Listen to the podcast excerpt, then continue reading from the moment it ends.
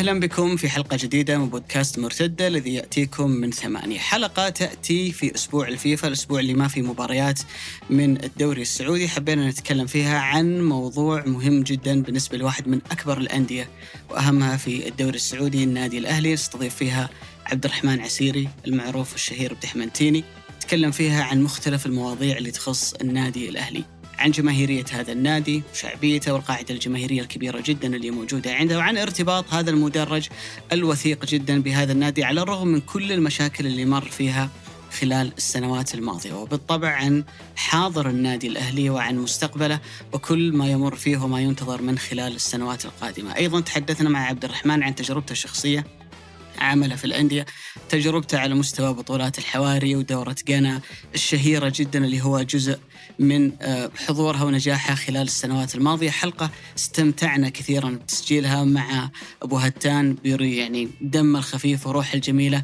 اللي كانت حاضرة في معظم آه، أجزاء هذه الحلقة. بودي أيضا أن أشكر رعاة هذه الحلقة شركة صفا وتطبيق محلي. أما الآن نترككم مع الحلقة. صباح الخير أبو علي. صباح النور يا أهلا وسهلا بالي كيف التسجيل الصباحي بعد التسجيل الليلي بالنسبة والله لك؟ أنا أحس إني فتى ليلي صراحة. والله. اي أنت بالصباح أنا اللي بس واضح لازم حلقة بحلقة. إي واضح ان الشتاء داخل عندك أبكر من العادة لا برد علي، حرام عليك. والله. جو برد نعم. يعني أتذكر قد طلعت أنا وياك في استديو فكان التكييف يعني. okay مقبول بالنسبة يعني لأغلب الناس. فكنت ألتفت عليك وقت التسجيل ألاقيك آه، نفاضة. إي نفاض أنا نفاضة في كل شيء. نفاضة اذا سمعت صوت عالي. نفاضة. مهم. دخلت ملعب كم تحت في أرض الملعب. لو سمعت الجمهور كيف جاي تفضل يعني رائع. لو كنت لاعب ولا كنت مغني ولا كنت مم. أقابل جمهور وأنا مم. أحس إني يا شو أشون البودكاست مسجل. إي ارتاح هنا آه طبعا يرافقنا اليوم في هذه الحلقة إلى جانب العزيز بندر المشرافي. ضيفنا اللي جاينا من أبها. خلينا نقول مقدم برامج سابق زميل سابق في برنامج تلفزيوني. كنا نتشارك فيه. حاليا آه، مدير إدارة التسويق والاستثمار في نادي ضمك. وممكن الناس تعرفك أكثر من ذلك كله إنك مشجع أهلاوي عندك خبرة تزيد على 30 سنة. صحيح. في تشجيع النادي الاهلي عبد الرحمن عسيري الشهير والمعروف التحمنتيني يلا حيه نورتنا في الرياض. الله يحييكم كان جاي من أبها ولبس ثوب. مصيف ها؟ كالمه كالمة. متعودين متعودين أول شيء آه، أهلا وسهلا بالجميع. حقيقه لنا الشرف أن نطلع في هذا البرنامج الجميل. وجودك. وإحنا تقابلنا في ظهر قبل سنتين. وكانت لك يعني أحداث حول أنك أو فكرة حول إنك تكون محلل اليوم. محلل ما شاء الله تبارك الله نستفيد منك و... الحمد لله. ونحب كلامك آه، العزيز أبو عالية. آه، صديق قديم جديد ولو ان نختلف في كثير من. اولها الانتر من ويوفنتوس ها هل تعلم اللي كنت نختلف في كثير من نتهاوش. الميول ونتهاوش كنا نتهاوش أول والله. والله تهاوش. كان يعني حقد يعني مو يعني حقد رياضي لا تتقابلون تطاقون لا لا لا ما احبه ولا يحبني آه. آه. ما نكلم بعض أوه. يعني نتهم بعضنا من الخلف عرفت كيف اللي آه. من تحت الحزام تدري, تدري إنه فعلا كذا كنا نحس إنه الانتر الانتر اليوفنتيني لا يجب أن يسلم على الانتراوي يا ساتر كذا في في أنت قاعد تجرح يوفنتينيتك إنك أنت. تمد يدك الانتراوي ليه؟ الله أكبر. إيش إيش قاعد اسلم عليه ليه؟ عدوي اللدود. بس لما تجلس بس- والله تحس إنه. لطيف الرجال. كويس بس إيش معنى إيش معنى عبد الرحمن الإنتر؟ يعني تحس ان يوفنتوس في في إيطاليا ميلان ما يحبهم أتوقع روما نابولي كل الناس ما تحب بس جمهور اليوفنتوس تاركين ذولا كلهم على جنب ومركزين على الإنتر أكيد اللي صار في 2006 له يد طويلة فريق ما حقق الدوري 89 مهم. 89 اضطر إنه. يفعل هذه الأفاعيل وهذه الالعاب عشان يحقق الدوري. ويضرب هذا الفريق إنك أنت ما بتحب. ما هو أنت ما تحبها بس كرة القدم نفسها ما تحبها يعني. تتضايق من إنه أنت. حققت دوري بشكل ما هو كويس. يعني أو إنك أنت لعبت ألاعيب ولو إنها لاعب ذكية وخطة عظيمة. جدا و... وما ودنا نبحر في الموضوع. بعد. خمس سنوات جات براءة يوفنتوس. أوه والله طيب عاقب يوفنت آه، انتر ميلان؟ والله. عندنا قانون اسمه التقادم. لا يعاقب المجرم بعد جريمته بخمس سنوات. ما- ما- قال مراتي خلاص مع السلامة. سويت مهمة 2011 مع السلامة. فأكيد إنه في أسباب كذا لكن يظل في الملعب آه،. يعني وجمهوره جمهور إنتر ولا أعلم لماذا اختار الانتر ميلان. ولكن هذه حال يعني أنا أعلمك إيش. كرة القدم وسبحان الله لولا اختلاف الاذواق لبارة السلع. يعني لو ما أحد يشجع الإنتر ميلان ما كان الإنتر تاهل السنة الماضية. مم. حي أبو علي. آه،. ترى ترى إحنا صمدنا يعني وقت فترة طويلة. اللي خلاني ترى أشجع إنتر ميلان ترى شيء غريب يمكن ما تتخيل. يعني يمكن قبل واللي عاش فترة التسعينات يتذكر ما كنا نميل للانديه بقد ما كنا نميل للمنتخبات فجاء منتخب البرازيل على مباراه مباراة في كأس القارات في الرياض هنا عام 1997 أو 96 ماني ذاكر. 97 97 فكنت حاضر. الصلع. فكنت أيوه كلهم مقرعين العيال. فدخلت الملعب تابع المباراة. فجأة في واحد قرع بيضة. هم كلهم قرع سمراء في واحد قرع بيضة. هذا فتني. رونالدو. ولعله نكبني. أو عمل فيني خير خليني أقول لك وشجعني الإنتر. بس ترى السياق. الزمني ترى طويل العداوة اللي بين الإنتر واليوفي. أنت قلت ترى سؤال. مهم مرة. طويل. إي لأنه هي بالأساس من الستينات كان الفريقين ذولي هم الأكثر تتويج ومنها جت العداوة. بس أتوقع حتى علاقتنا معكم ما هي ما إحنا على وفاق يعني. ريال مدريد ويوفنتوس.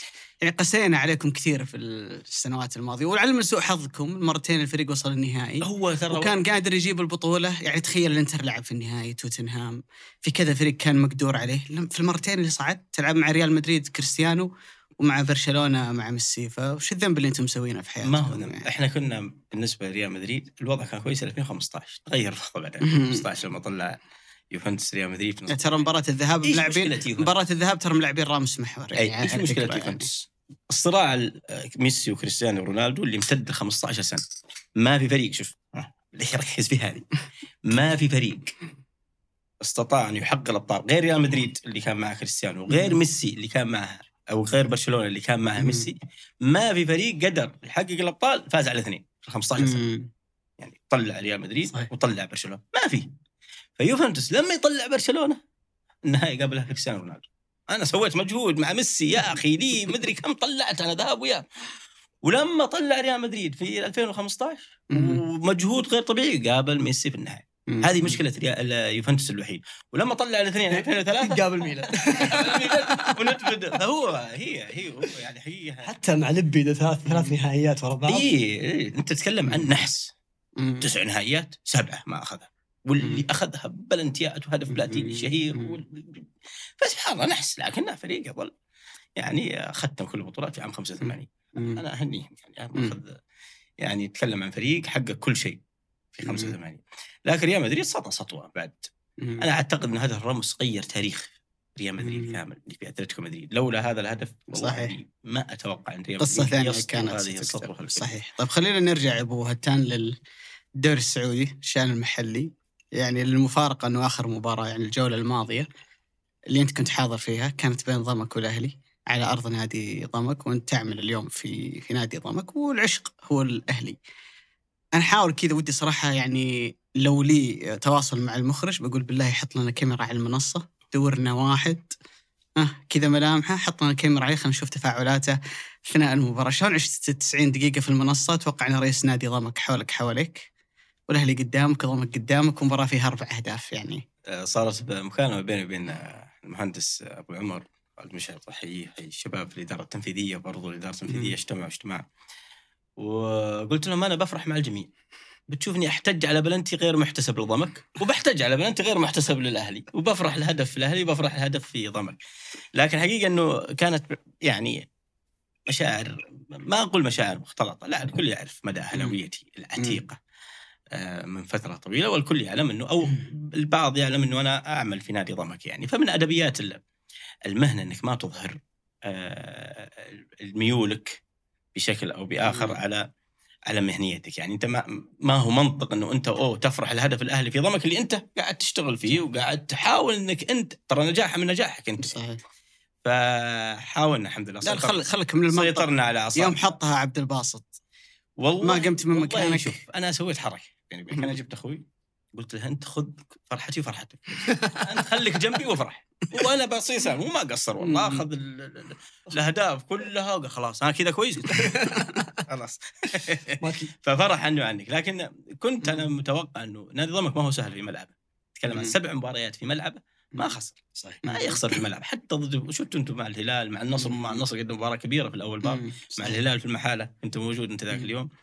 آه، مباراة الأهلي فإنه ال- ال- ضمك أمام الكبار يظهر كبيرا ينسى كل شيء ينسى مركزه كل شيء بس أنا لازم أقدم مم. قدام هذا الفريق مباراة كبيرة فكانت مشاعر مختلطة لكن كانت أجواء جميلة جدا الجمهور اللي حضر. أنا شخصيا وقفت على يعني جمهور حضر من مسافات بعيدة مش من منطقة عسير ناس جو من الديزاء من الدرب في ناس جو من القنفذة في ناس جو من نجران في ناس جو من بيشة في ناس جو من من النماص من مسافات من طويلة. مسافات طويلة من أجل هذا الجمهور من أجل هذا الفريق. لكن سبحان الله الأهلي دائما مثل ما قال الوالد بعد المباراة والله يا ضمك رجال. قال اختصر عرفت المانشيت اللي يجي في الرياضي؟ قال والله يا ضمك رجال. والأهلي ما يقدر جمهور بس. وانت وانت ما قفل انتهى الموضوع. ممتاز جدا يختصر لك ما المباراة تلاحظ إن جمهور الأهلي هو قالها حسن حسن اسمه أتوقع في تويتر حسن ال- الأهلاوي لما قال جمهور الأهلي. أكثر جمهور يعطي. حسن الحس... الحسناني الحسناني. يقول أق... فعلا أك... واقل جمهور ياخذ أكثر من يعطي وأقل من يأخذ. يا أخي جمهور الأهلي مو طبيعي مو طبيعي حالة العشق. شوف. أنا أنا أتكلم عن حالة عشق. طبيعة حبهم من ناديهم ما هي طبيعية. يعني في أندية كل كل الجماهير يحبون أنديتهم. ولكن ارتباط المشجع الأهلاوي بناديه تحس فيه إني أنت الآن في انكسار وأنا جاي أوقف. تراها هنا تحس بقيمتها أنت لما يكون الفريق بطل والجمهور يحضر ما تحس بقيمه تأثير الجمهور على على النادي نفسه وإنك أنت في عز انكساراتك في عز أزمتك. أنا أوقف معك. لا الفريق دائما بطل دائما يروح. في أندية أو مشجعين يتركون ناديهم وقت الأزمات. الأهلي كذا مربوط بالأزمات بالخ... بالانكسارات بالخسارة بال؟ شوي ويدمع عبد إيه. أخي هذا ال... هذا ال... هذا الموضوع. وأنت هذا الباب فتح لي كذا. وأنت قاعد تتكلم قاعد أستحضر حاجات. آه... وإذا تسمحوا لي بس أفضفض شوي يعني في هذا الباب. لا لا خذ راحتك. آه... موسيقى حزينة يا موسيقى حزينة. عشان أبكي بالمرة وخلاص نكنسل. آه... خلنا نتساءل. يمكن خلني أجدد آه. بعض الأشياء اللي تقول إنه الأهلي فريق ما عنده بطولات ما يملك. بعض ال... ما أدري ليش جمهوره شجعه ما عنده آسيوية ما وصل لكأس العالم للأندية ما عنده عدد دوري آه كويس كالفرق يعني كبرى. عشرة ثمانية تسعة ولو إنه في اختلاف في في مسميات. وتيجي تتساءل في نفس الوقت إنه "أوه، والله عنده قاعدة جماهيرية هذا من فين جو هذول؟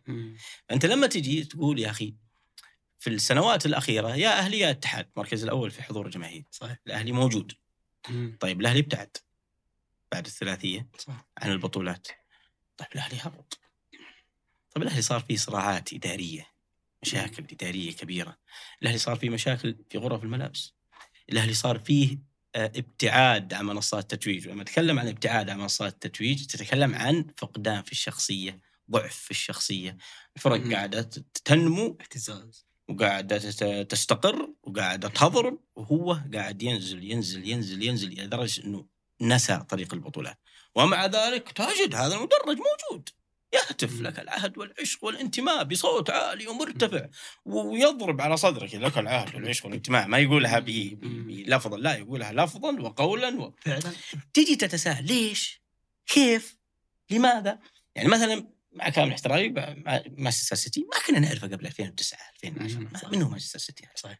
الان جاء بثورة غير طبيعية مع بيب جوارديولا احدث نقله واكتسح كل شيء وأعتقد إنه لو يستمر بيكتسح آه سنين وسنين لكن تتكلم هنا عن إرث ممتد من سنوات طويله جدا هذا الإرث لما نسأل الآباء يعرفون من هو الأهلي لما نسأل الأجداد يسألون الأهلي إرث غير طبيعي وأنا متعمد إني أقول إرث بالمناسبة لأنه كثير من ال ال ال من من الجماهير بشكل عام اللي ما تشجع الأهلي إيش إرثك أنت؟ يعني إيش إرثك؟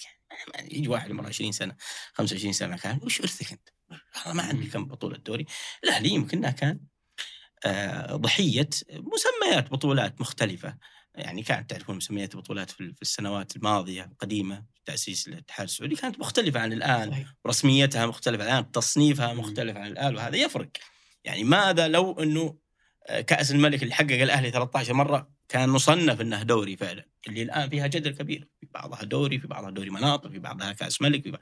ما أحد أفتى فيها وحتى لما يجي توثيق البطولات يوصلوا للنقطة الأخيرة يتراجعون لأنه فيه مشاكل مسميات كبيرة. احضاره المدرسة البرازيليه احضار الأشياء اللي قاعدين نشوفها الآن من النجوم الكبار. ها اللي يجون والله نجوم. كبار قاعدين يسوون مباريات اعتزال احتفال بيوبي فضي احتفال بيوبي ذهبي احتفال لمناسبة معين كان يسويها الأهلي. آه على النطاق الاجتماعي كان كان دائما مسرح الأهلي الفني. عامر بالفن محمد عبده المرحوم طلال مداح الله يرحمه ويمد روحه الجنة أبو عبد الله. آه، حتى في اجتماعيا كان في في المحاضرات الدينية في المحاضرات الاجتماعية كان مدرسة كبيرة جدا. هذه المدرسة كونت هذه الجماهيرية كونت هذا ال- الحب كون هذا الإرث الكبير البطوله الخارجية الأولى اللي حققها ال- ال- الخليجية الاستقبال العظيم باص مكشوف ها؟ قبل 30 سنة الحين يسوون باص مكشوف هذه خلاص ختمها الأهلي من الأول. كنا نحتفل باص مكشوف وكنا نجي من من الدمام أو من البحرين على الدمام بباص مكشوف كنا نروح نحتفل من الفندق إلى إلى ال- الملعب بباص مكشوف أشياء كان يفعلها الأهلي في وقت سطوته. لكن وقت سطوته كانت مسميات البطولات. مختلفة نوعا ما.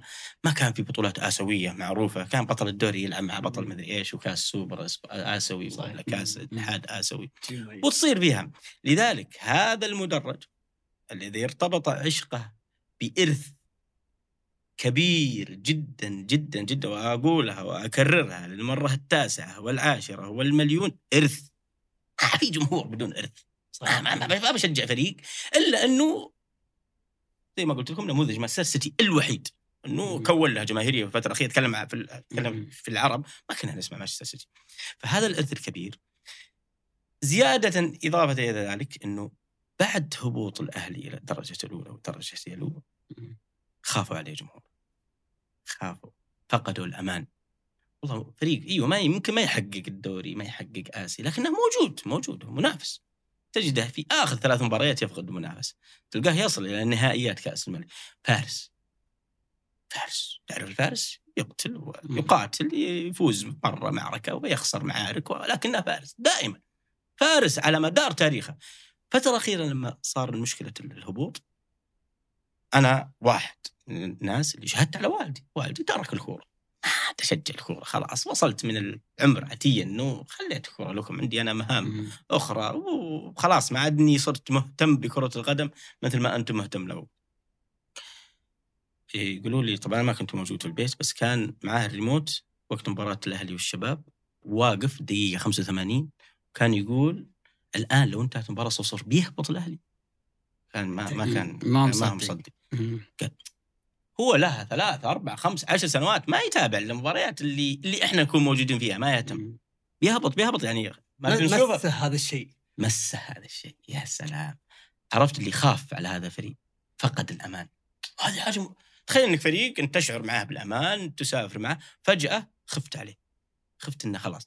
لما هبط الأهلي فعلا خاف الأهلي عليه أكثر رجع حتى الأهلاويين القدامى بدل ما إنه جماهيريته الكبيرة والعريضة تقل زادت. رجع القدامى هذول كبار السن صاروا يسافرون ويجون. وشعروا إنه أماننا الرياضي في هذا الفريق. أمان الرياضي في هذا الفريق. لذلك نجد مدرجات مليئة بالجماهير. نجد آه، طقوس النشيد في بداية المباراة. مم. بالنسبة في أحلاوي قابلته يقول أنا بالنسبة لي أحضر مباراة أقول النشيد انتهى دوري آه، آه، يعني شغفي اللي في قلبي انتهى وقف خلاص. هذا هذا هو. لذلك هذه كلمة بسيطة وأنا أقولها دائما حتى للمتابعين اللي يتابعون. إنه مثل هذه الفرق اللي ما تحقق بطولات الأهلي واحد من النماذج اللي المقارنة بالأرقام تقهر معه. تقهر. تقهر تقهر. لما تناقش واحد ما عندك أنت آسيا لو سمحت. طيب أنا اللي أنا اللي تأهلت في 86 أول فريق في آسيا في وقت مع كامل احترامي. الهلال ما كان يقدر يطلع من محيطه الاتحاد ما كان يقدر يطلع من محيطه النصر ما كان يطلع من محيطه ما كانوا معروفين. أنا كنت ألعب. نهائي حضرها رؤساء مجلس التعاون كامل الخليجي. صحيح. كلهم حضروا النهائي. رئيس الاتحاد الآسيوي وقتها الأمير فيصل بن فهد والرئيس الاتحاد القطري والبحريني والكويت كلهم. طيب هو نفس الفريق ترى. نفس الفريق. لذلك الم... ال- نفس الفريق في عام 2002 ما ما ما ذهب لي اسيا وكان مرشح الأول. في السبعينات أيضا ما ما شارك أو كان مرشح بس ما راح. بسبب تواجد فريق آه، إسرائيل. آه، إسرائيلي صهيوني. فمثل هذه التفاصيل تقهر إنه يا أخي ما عندك أنت ما عندك ما عندك. فهذا ردي وأنا بحرت في هذا الموضوع لكنه يا أخي موضوع مستفز مست- شوية. إنه إنه إنه الأرقام أحيانا ما هي كل شيء ما هي كل شيء. مع إنه في كرة القدم مثلا نهائي والله استحواذ 99% 16 كرة في العارضه بلنتيات أو ثلاث بلنتيات ما حسبها الحكم. في النهاية الفريق الثاني فاز. خطأ حارس. التاريخ سيذكر لك الفريق الذي فاز. فاز. الفريق الذي فاز. أنا ما علي من التفاصيل حقتك هذه كلها ما تهمني ولا تذكر بالتاريخ لكن الذي يجب أن يعرفه الجميع انه الأهلي أسس حضارة كرة القدم السعودية. حتى على المستوى الفني يا ابو يا أبو هتان يعني أصلا تأسيس الأهلي ممكن الأهلي من الأندية اللي ارتبط تأسيسها بالأساس في الطبقة المخملية أو صحيح. الطبقة الملكية في البلد وعلى النقيض تماما طبقة الاتحاد خلينا نقول من الطبقة الكادحة وحادث حادث خلينا نقول. هذا التنافس اللي بين النادي يعني يعني في كل مكان في العالم يعني صح- فكرة السيتي واليونايتد هذه يعني. صحيح. بالضبط بس بس. الأهلي هذا الشيء ميزه حتى على المستوى ال- ال- الخارجي يعني لما يجي أنور السادات أو لما يروح آه، رئيس الأهلي ذكرني باسمه عبد الله فيصل عبد الله فيصل لما يروح عند أنور السادات ويجي عنده يقول أبغى أمين دابو في حفل زفاف ابن أو ابنة آه، أنور السادات. يساهم إنه إنه ينقل هذا اللاعب. تشعر إن الأهلي كذا متأسس على على منهج كذا مختلف وغير أشياء كثير. يعني ما أتكلم عن المستوى الرياضي بس حتى أتكلم عن طبيعة المستوى الفني. يعني إنك حتى تعطي أشياء فنية سواء الفن في الأغاني في الأهازيج في التشجيع في بعيد عن أرض الملعب. يعني أعطى بعد لكرة القدم ول- وللتشجيع وللحاله الاجتماعية. اللي تكون تأسس فيها نادي مختلفة تماما عن كل الأندية.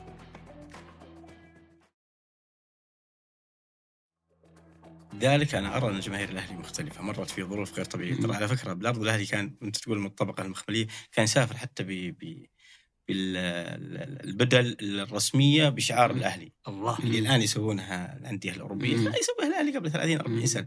فكان فريق فعلا من الطبقة الأولى لكن أثرت عليه بعض الصراعات. لا نختلف في هذا الأمر أثرت عليه النحس والحظ. اللي واجهه في حياته الكروية ولكن مم. جمهور أهلي المدرجات أنا عشان كذا أنا أقول عاطفتي أمام هذا المدرج. لا تقاوم. ما أقدر أنا مدرج الأهلي لا أستطيع أن أقاومه بأي شكل من الأشكال لأني أعرف إيش يعانوا أعرف إنه بعد المباراة بعضهم يعني أنتم مم. يمكن قراتم بعد الهبوط عدد الوفيات 12 حاله وفاة. إحنا شاهدنا إنه كانت بسبب أمراض. في القلب ما تحمل المنظر. أنا واحد من الناس اللي شهدت في عبها مم. آه على واحد أخو صديق لي أنا ما أعرفه أعرف صديق هذا لكن أخوه ما أعرفه. سليم ما اموره طيبة لا ضغط ولا سكر ولا شيء. ولكن تفاجأت إنه أخوي اتصل علي قال تعرف أخو فلان في المستشفى في مستشفى اسير منور. الكلام هذا بعد مباراة الأهلي. إيش في والله الرجال شكله تعب بعد المباراه صار عنده مشكلة في ال... عرفت ترى ترى صحيح. ترى الحزن الرجال ما هو كويس. الكتم هذا إنك تكتم نفسك طيب. ترى يأثر على مضخات القلب يا أخي. إذا كانت مضخات القلب تص... أهلاوية خضراء فأنت ت... ت... تراه يتهاوى أمامك كذا. حتى لو إنه ما عندك شيء وأنا أنا واحد من الناس اللي قفلت على نفسي الباب يمكن ست ساعات. ما أبغى أحد يشوفني. هذاك المنظر كان منظر. عرفت الله يهديه مشاري القرني آه،. كان كأنه كان مجهز كلمات. معينة القلعة هدمت والقلعة تهدم وأنت قاعد تعطي ذكر ترى قبل ثلاث سنوات أنتم فرحتونا ترى. بالثلاثية في لندن وفي الرياض وفي جدة وقاعدين تقارعون الأندية الكبيرة وهداف تاريخي في النادي فصارت حقيقة جماهير الأهلي أعتقد إنها مختلفة لأنه هذا الامتداد الكبير اللي جاء فيه ما هو امتداد فقط في أرض الملعب، امتداد ثقافي، امتداد رياضي، امتداد. إرث فني آه، نجوم كبير حضروا آه، احتفالات الأهلي كان ما من هو أفضل لاعب في العالم وقتها. كذا الأهلاوي جالسين على طبقه محمليه آه، عندنا والله يوبيل ذهبي أو يوبيل فضي. من هو أفضل واحد العالم؟ والله مارادونا جاب كأس العالم مارادونا مؤسس كرة القدم. جيبوه. يهو صحراء وإحنا في العالم الثالث على كلامهم. أجيب نشوف مارادونا. السنة اللي بعدها من هو أفضل مدرب في العالم؟ قال والله تيجي سنتان. مدرب البرازيل. نجيب إلى أنه ال- ال- البرازيل بعدين رجعوه مع أنه انت تكفى الأهلاوي رجع فهذه الأشياء ممكن الكثير يعرفها وممكن الكثير ما يعرف أنه الأهلي أسس ترى حضارة أنشأ حضارة مدرسة حتى على مستوى الرعاية. إيه، أيام بيبسي وأيام- أيام بيبسي وأيام طيب ستاف ابو وأيام- ابو أبو هتان كلامك جميل جدا عن الأهلي. وهذا خلينا نرجع إلى شيء صار ممكن في الصيف الماضي. ال- إنه كان في تساؤل. من قبل خلينا نقول اللي ما يحبون الأهلي أو اللي ما يشجعون الأهلي إنه آه، صندوق الاستثمارات العامة أعلن عن استحواذه على 75% في أربعة أندية من الأندية اللي موجودة في دوري روشن، الهلال طبيعي، النصر طبيعي، الاتحاد طبيعي، فكان التساؤل عن يا أخي هذا فريق جاي من دوري يلو فالمفروض إنه هذه خلينا نقول الاهتمام أو المكانة تروح لفريق ثاني، طبعا أنا بالنسبة لي واللي يعرف تاريخ الأهلي يعرف ليش صار الموضوع هذا، واللي تفرج على المباراة الأولى ضد الحزم في ملعب عبد الله الفيصل وشاف المدرج يعرف يعني إنه هذه أشياء ممكن تتخطى مسألة إنه انت الحين كويس المستقبل آه، ممكن يكون أهم. فأنت إيش رأيك في الموضوع هذا؟ فكرة إنه لا الأهلي والله طلع برا هالموضوع واصلا طلع برا مسمى الأربعة الكبار. انت عارف الكلام اللي يبغى. يرمز لخالد اي اللي اللي قيل لا ما برمز لأحد لكن عرفت اللي تحس كمان لو إنه غياب الأهلي عن البطولات قاعد يستغل لفكرة إنه إزاحته برا الاربعه الكبار هو عكس تماما الكلام اللي أنت قاعد تقوله الحين. السلام عليك. وهذا إكمال للإجابة اللي أنا قاعد أقولها. قبل شوي. هذا إيش رأيك تفك المشروب؟ بعدين تكمل. هذا هذا يوفقك يعني هذا إكمال الإجابة. هذا طيب. ليش هذا النادي اللي ما له تاريخ ولا له أرقام؟ على كلام المشجعين غير الاهلاويين إنه هذا اللي أفتح هذا. هي في ثلج حركات. بسم الله. لذيذ لدرجة ما تتخيلها يا بيخليك الحين في مرحلة ثانية من آه، بتكمل حلقة مدرج الأهلي ترى بقعد أتكلم. فهذا هو امتداد. سؤالك إجابته امتداد لكلامي عن هذا الإرث وهذه الجماهيرية و و و- وهذا المدرج الذي يزيد ولا ينقص. فريقه ما قاعد يعطيه ترى. فريقه ما قاعد يعطيه. فريقه قاعد يهبط قاعد يتهاوى أمامه وهو قاعد يزيد. هذه معادلة ترى نادرة في كرة القدم. معادلة نادرة في كرة القدم. لما جاء صندوق الاستثمارات السعودي يعرف هو صندوق الاستثمارات انه أنا عارف منهم منهم الكبار. أعرف منهم المؤثرين في المدرج منهم المؤثرين في الأرقام منهم اللي قاعدين يدعمون المشروع اللي أنا جيت علشانه. عارف إن هذا مدرج. يعني لا لا لي الأقل لا لي في, في في في وهو هابط ثاني مم. أكثر فريق في السعودية حضور الجماهير صحيح مم. بعد الاتحاد الاتحاد. بطل الدوري بطل الدوري ويلعب في الجوهرة يلعب في الجوهرة بطل دوري هذا اموره بس طيب رمزيه الكبير تجي للجماهيرية ولا تجي للبطولات؟ شوف آه، لأنها هنا تصير مختلفة ال- عشان كذا أنا قلت لك قبل شوي إنه لغة الأرقام تشعر إنها ظالمة مع الأهلي تشعر إنها ظالمة لأنه ضحية مسميات نحس أخطاء تحكيمية آه، مشاكل كبيرة صارت له في في ال- في الماضي والاهلي برضو ما استقل سطوته في وقته. ما ضرب خمسة دوري ورا بعض ما راح آسيا وضرب زي مثلا سطوة الهلال بعد 2000 بعد نهائي مثلا سيدني ونهائي أوراوا. نفس ريال مدريد كيف استغل نفس ريال مدريد. هذا هذا وقت عزك وقت ذروة. لما تشعر إنك قوي اضرب بيد من اتحاد فترة البلوي شعر مم. بقوة جاب له ثنتين آسيا لعب مرتين. كاس عالم الانديه جاب له خمسة أو أربعة دوري جاب له مدري كم كاس ملك جمع له البطولات الكبيرة اللي بيتكلمون عليها 20 30 40 سنة قدام حتى وان قابل الاتحاد لكن في وقت عزة هذه المشكلة في الأهلي إنه وقت عزة في ظروف أثرت وفي نفس الوقت آه كان هو يعاني من كثير من النحس سبحان الله النحس كان ملازم الأهلي بطريقة ليش؟ بطريقة المست- له حظ يعني بس آه والله. في كلام كثير طلع ما ودي أقوله. بس كذا. شوف. قلت انت نحس كم كم مرات مشيتها ولا الثاني يمكن صرت تعيدها كثير قلت أنا ليش؟ يعني ما, ما في ما في ما في شيء. شوف فرقسون إيش يقول؟ يقول الحظ لا يخدم الأغبياء. صحيح. ما يخدم يعني أنت في بتعمل تعمل. دائما الفريق اللي يفوز ممكن يفوز بلقطة ضربة في آخر دقيقة. بس تلقاه هاجم 20 هجمه بس ترى فاز في اخر دقيقه. بس 20 هجمه ليش الشيء ذا مو ما مو مع الأهلي؟ مع الانديه الثانية ال- الجزء الآخر لازم نتكلم فيه. بصريح الأهلي أيضا يتحمل جزء كبير مشاكله. مشاكل الصراعات الإدارية بين الرموز الكبار القدامى.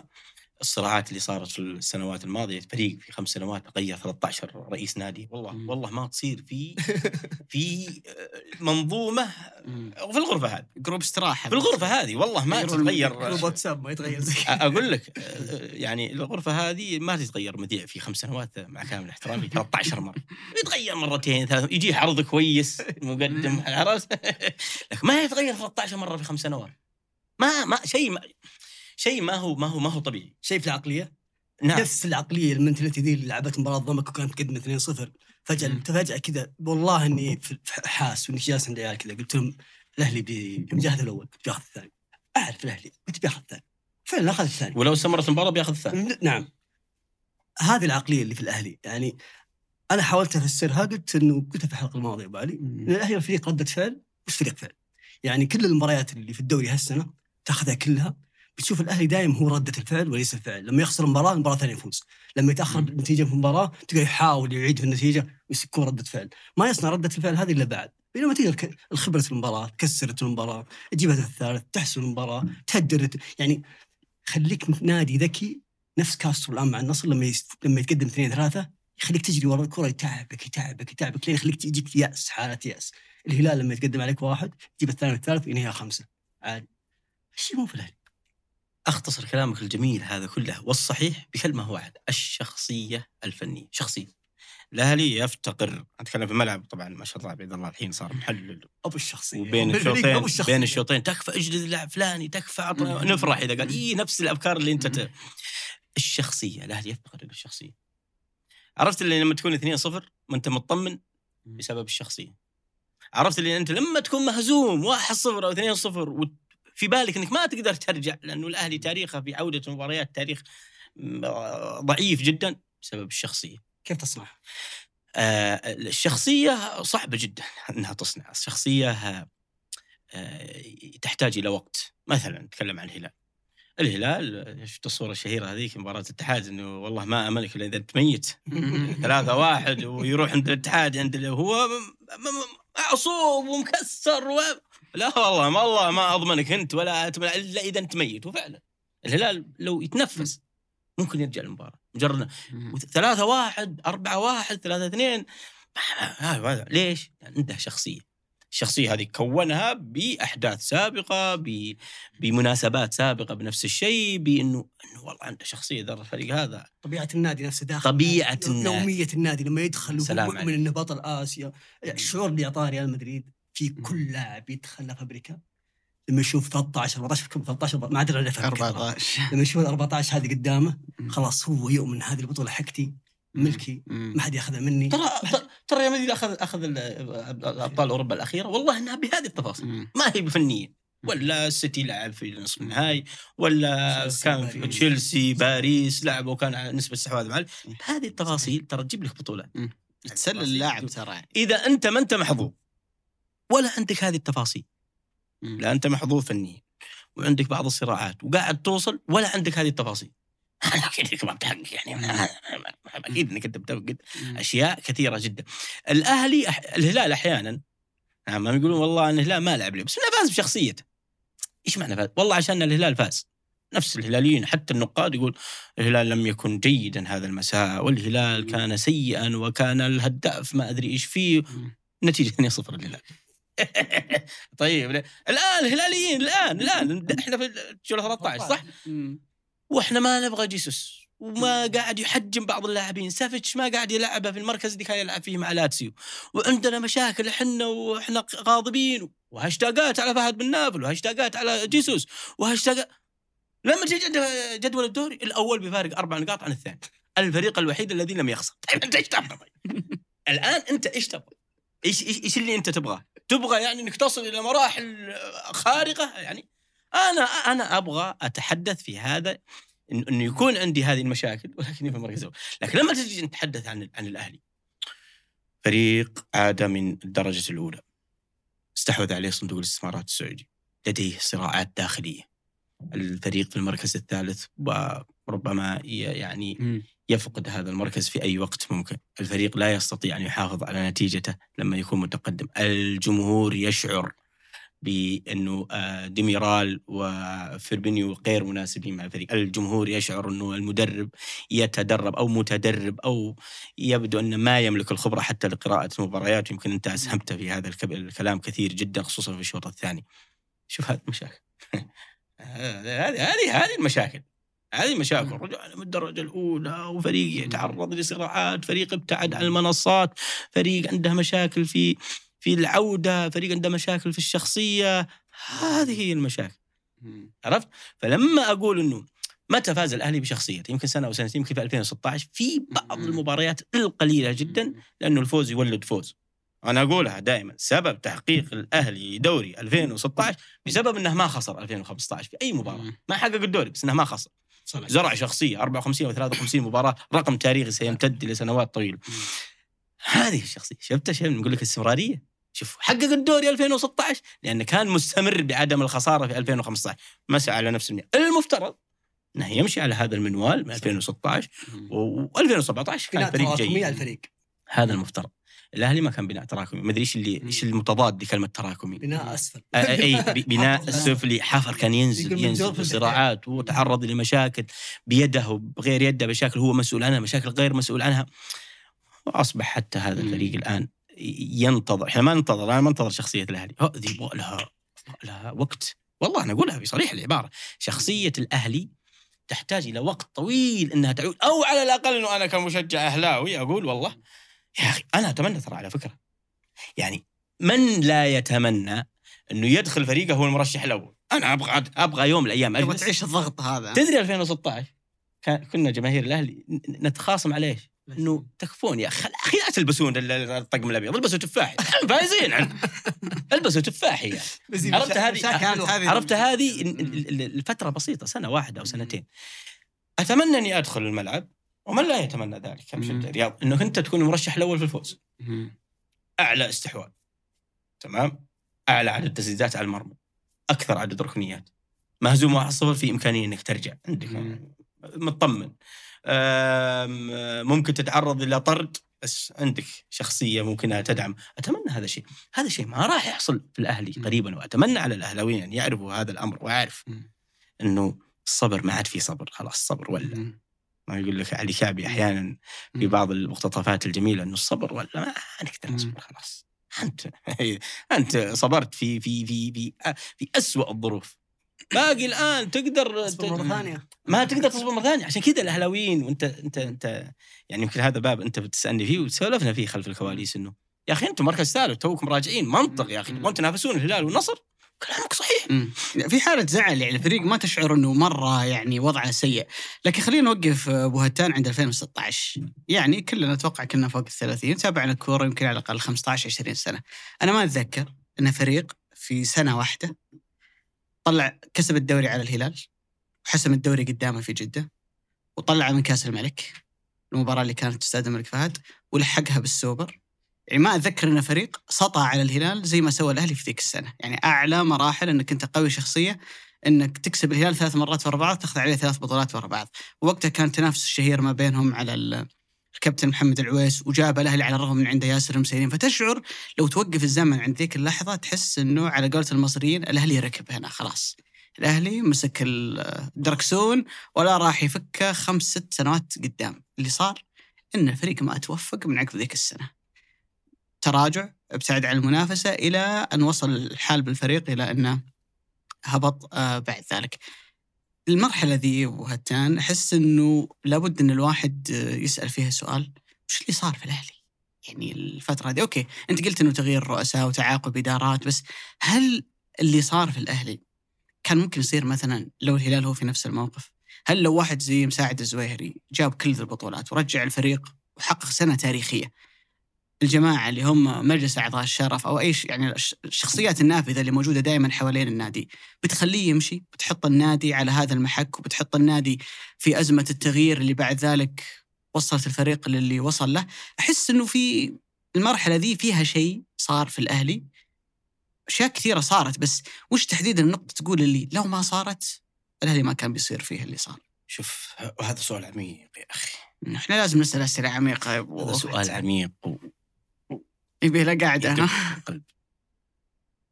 الاهلي للأمانة وأتوقع أنه هو السبب الرئيسي فيما حدث أو في إجابتك على هذا السؤال.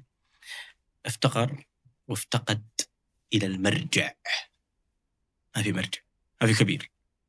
عرفت؟ أول إذا كان في مشاكل حتى لو إنها مشاكل داخلية أو الامير مشاكل خالد الامير خالد خارجية. موجود وقتها صح ولا لا؟ لا لا ما, ما 2018 ما كان موجود خلاص. يعني كان هو موجود. 2016 إيه، إحنا نتكلم عن 2016 17 18 كان الفريق الأول الثاني آه، عارضه ال- ال- ال- علي الحبسي هي اللي ما جابت الدوري ترى. في في جدة. يعني كان في كأس الملك تأهل وفاز الهلال. يعني كان موجود كان موجود في المشهد. المشهد الرياضي كان موجود. الانتكاسة صارت من 2018 بعد كأس العالم. بعد كأس العالم. الاداره اللي بتجابيها ماجد النفيعي وم- مرحلته الأولى ومرحلته الثانية. ترى ابو هتان بس استطراد. فيك البطوله 2018 قائمة المنتخب إذا ماني غلطان. كان ثمانية من الهلال تقريبا وسبعة من الأهلي. يعني إيه. كانوا حول بعض يعني. يعني نتكلم عن إنه نتكلم 17 18 فريق ما ما عنده مشاكل كبيرة. الفريق إيوه ما إحنا جاي من ثلاثة من ثلاث بطولات بالتالي ما حققنا شيء السنة اللي بعدها. بس إنه وصلنا كأس الملك. عارضة اللي حالت بين الأهلي وتحقيق الدوري نقطة واحدة ولعب مباراة كبيرة ضد الهلال في جدة. لكن أتكلم انه متواجد.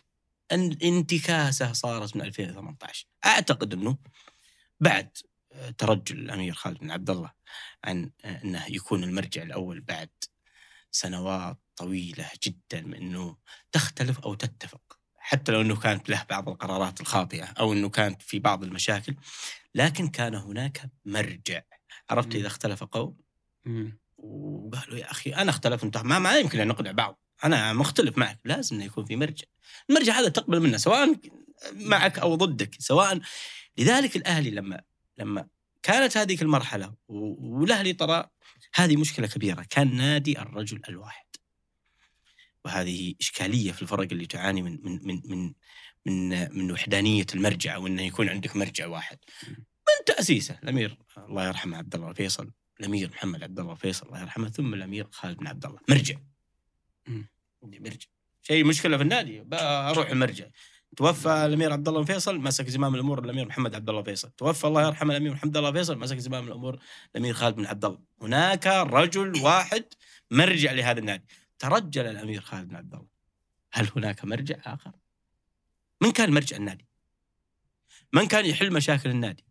من كان يحاول ان ها ها شوف شوف هذه كلمة مهمة. هذه وأنا إذا قلت ها يعني جاني مهم استطراد. كذا شيء مهم عرفت جاي جاني استدراك إنه من يثق فيه الأهلاويون لحل مشاكلهم؟ كنا نثق في الأمير خالد بن عبد الله، كان يثقون في الأمير محمد الله الفيصل، كان. كان لما يطلع الأمير عبد الله الفيصل ويطلع الأمير محمد الفيصل عليهم رحمة الله يتكلمون في, التلفزيون. حتى لو كلامه غلط، لو قال لك واحد زائد واحد ثلاثة أوف. مم. الأمير محمد الله الفيصل قال ثلاثة ثلاثة الأمير خالد بن عبد الله هو قال ثلاثة ثلاثة معليش مم. تحمست أنا قلت لكم عندي فرط في الحركة فاعتذر الله يعين آه، اي والله.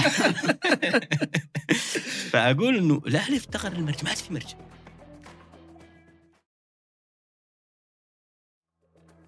الحوكمة كانت غلط.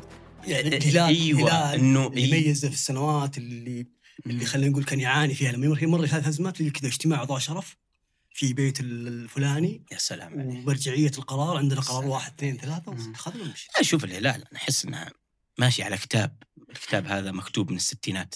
ترى 2020 لازم تسوون كذا. أي رئيس يجي. 2020 دستور. عندهم دستور. والمر- 2022 23 الاهلي يفتقر إلى هذا الكتاب. ما عندنا كتب. حن آه، ترجلات عرفت؟ قرارات رجاليه فافتقارها للمرجع. إنه وما عاد في شخصية يثق فيها الاهلاويين معليش. مع كامل احترامي للمسميات. إنه أنا كنت أقولها وقتها الحين لو صارت في مشكلة في الأهلي في مشاكل الحين صح؟ من هو اللي بيحل المشاكل هذه؟ الوزارة مشغولة بالتطور اللي قاعد يصير ال ال ال الفريق ما عاد فيه قائد في الملعب أنت تثق فيه ما عاد فيه قائد خارج الملعب أنت تثق فيه. ترى هذه مشكلة كبيرة. في وقت إنه الهلال لا عنده دستور عنده مؤسسة الهلال عنده دستور عنده الامير وليد بن طلال. رجل ممكن إذا صارت في مشكلة رسالة الامير وليد بن طلال. الأمير فيصل ال- ال- ال- خالد بن فهد أعتقد في النصر نفس الشيء إنه في الفترة هذيك الحساسة ها؟ كان موجود هو إنه هو مرجع للنصراويين رمز يعتبر رمز يعني في ذيك الفترة. الاتحاديين بعض أعضاء الشرف ويمكن برضه آه. يعني الأشياء اللي حتى صارت الاتحاد منهم تضرر بعد منصور يعني. اي تضرر. والاتحاد. تكرر التجربة. والاتحاد كان بيهبط حتى بعد هذه لأنه كان نادي الرجل الواحد فجأة ما عاد في رجل واحد وكان بيهبط لكن آه نجا بي بي بي في مم. ذلك الوقت. الأهلي ما نجا. لذلك المرجع مهم جدا يمكن يمكن يمكن في يوفنتوس الآن بعد ترجل عائلة أفوكاتو. أنيلي والافوكاتو ترى هبط يوفنتوس بسبب موت الافوكاتو 2004 مات. الافوكاتو 2005 جو الناس ما عاد في كبير ما عاد في واحد نخاف منه ما عاد في رجل مقتدر. تكلم عن مقتدر شخصية. رجل مقتدر لما يتكلم عن مقتدر رجل بشخصية عظيمة جدا يدير النادي وما أبغاه يدير النادي أنا أبغاه يدير مشاكل النادي. أنا ما أحتاجك وأنا في بحبوحة من الزمن وقاعد أحقق بطولات. شكرا بيض الله وجهك. أحتاجك في الوقت اللي. الفريق يتهاوى أمام أعين الناس، الفريق في في وضع حرج جدا. ما كان في أحد يثق فيه من الان اللي كان إذا دخن. هو الأفوكاتو يعني كان يقول إذا دخن الأفوكاتو فعلا يقول لك اللاعبين إذا شافوا الأفوكاتو يدخن قبل قبل الشوط الأول وهم طالعين يشوفون المنصة يدخن الأفوكاتو يعني إن الوضع ما هو كويس. وضع الوضع فيه إشكالية. يقال. مداري ممكن يقال في لعيبة بيلقى عقود. شوف الشخصية كيف. هنا تبني فريق قوي. الحين من هو اللي يدخن؟ تخاف منه طرح فأنا أقولها بصريح العبارة. الاهلي يفتقر لهذه لهذا المرجع وهذه الشخصية التي يثق فيها الأهلاويون. يمكن يمكن حتى الآن لكن الآن صندوق الاستثمارات. الحمد لله تكفل بالموضوع و وعلى الأقل أنه أعاد شيئا من وهج الأهلي وصلنا المركز الثالث مم. مرحلة جديدة ف- تحس إنها ابوها فكانت مرحلة لكن أحس يمكن قلنا كنا سولف أنا وياك قبل التسجيل تشعر إنه حجم الغضب اللي موجود عند مدرج الأهلي تحديدا بعد المباراة الأخيرة أمام ضمك. أوكي أنت ما تعرف ترتيب الأهلي في الدوري بتتوقع إنه سابع ثامن هو مركز ثالث أعلى من الاتحاد. هذه نقطه تهم الهلاويين كثيرا أعلى من الشباب. وأعلى من التعاون والاتفاق وأكثر آه، من نادي خلف وجدت- الهلال والنصر خلف الهلال والنصر أنا وجهة نظري الشخصية إنه في شيء قاعد يصير في الأهلي هو أشبه بمشروع طويل الأمد وعندي على ذلك كذا استدلال. اليوم لو تشوف الدوري كمعدل أعمار لاعبين أصغر معدل أعمار لاعبين اللي تقريبا كل شهر يترشحون لعيبة جائزه أفضل لاعب شاب اللي هو التعاون. الثاني وراه على طول هو الأهلي. الأهلي اليوم في قائمة الفريق القائمة ككل ما في فوق ال 30 سنة ترى نقدر نعدهم على اصابع اليد. عبد الله عطيف اللي مصاب وما يلعب، إبراهيم الزبيدي تقريبا الخيار الثالث على مستوى الظهير الأيسر. نتكلم عن لاعبين ما هم ضمن التشكيلة. وثلاثة من الأجانب فيرمينو ومندي ورياض محرز. عدا عن ذلك بقية الفريق كلهم تحت ال 30 سنة. من أكثر الأندية اللي استثمر في لاعبين أجانب صغار سن. تتكلم عن ايبانيز تتكلم عن. ديميرال تتكلم عن كيسي 26 سنة تقريبا ماكسيمان وما في فريق في الدوري جاب لاعب تحت 23 سنة إلا الأهلي لما تعاقد مع فيجا. حط معهم سميحان حط معهم فهد الرشيدي آه، تتكلم عن بسام الحريجي محمد المجحد. فكما لو إنه فريق الرهان عليه إنه هذا الفريق بينافس بس اصبروا عليه ما هو بالحين.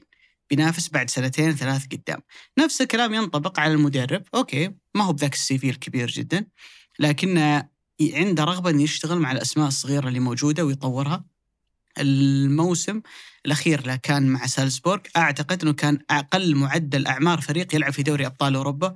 كان معظمهم في ال 22 23 سنة اللي أشوفه أنا من قبل الاهلاويين ردود الفعل اللي قاعدة تصير مؤخرا إنه هناك ميل للهدم مرة أخرى. يعني طلع إعلاميين، طلع ما أدري هم أعضاء شرف ولا يعني أعضاء ذهبيين في النادي وقالوا كلام عن إقالة المدرب ويلا رجع لنا نفس الدوامة مرة ثانية إنه غير مشي فلان مش فيرميني وجيب هو في مشاكل.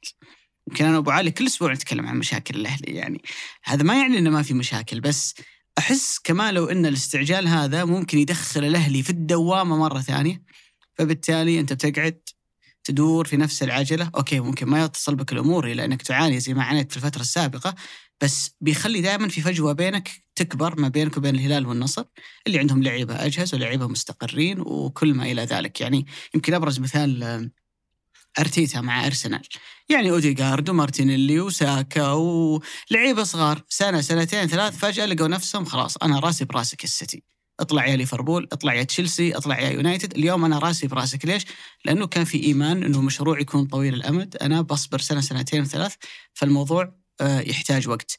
أنت وش رأيك؟ أول شيء في يا يسله المدرب، الكشخة، اللبيس، الأنيق اللي عليه ملاحظات كثيرة جدا من جمهور الأهلي. آه هل في مبالغة برده الفعل؟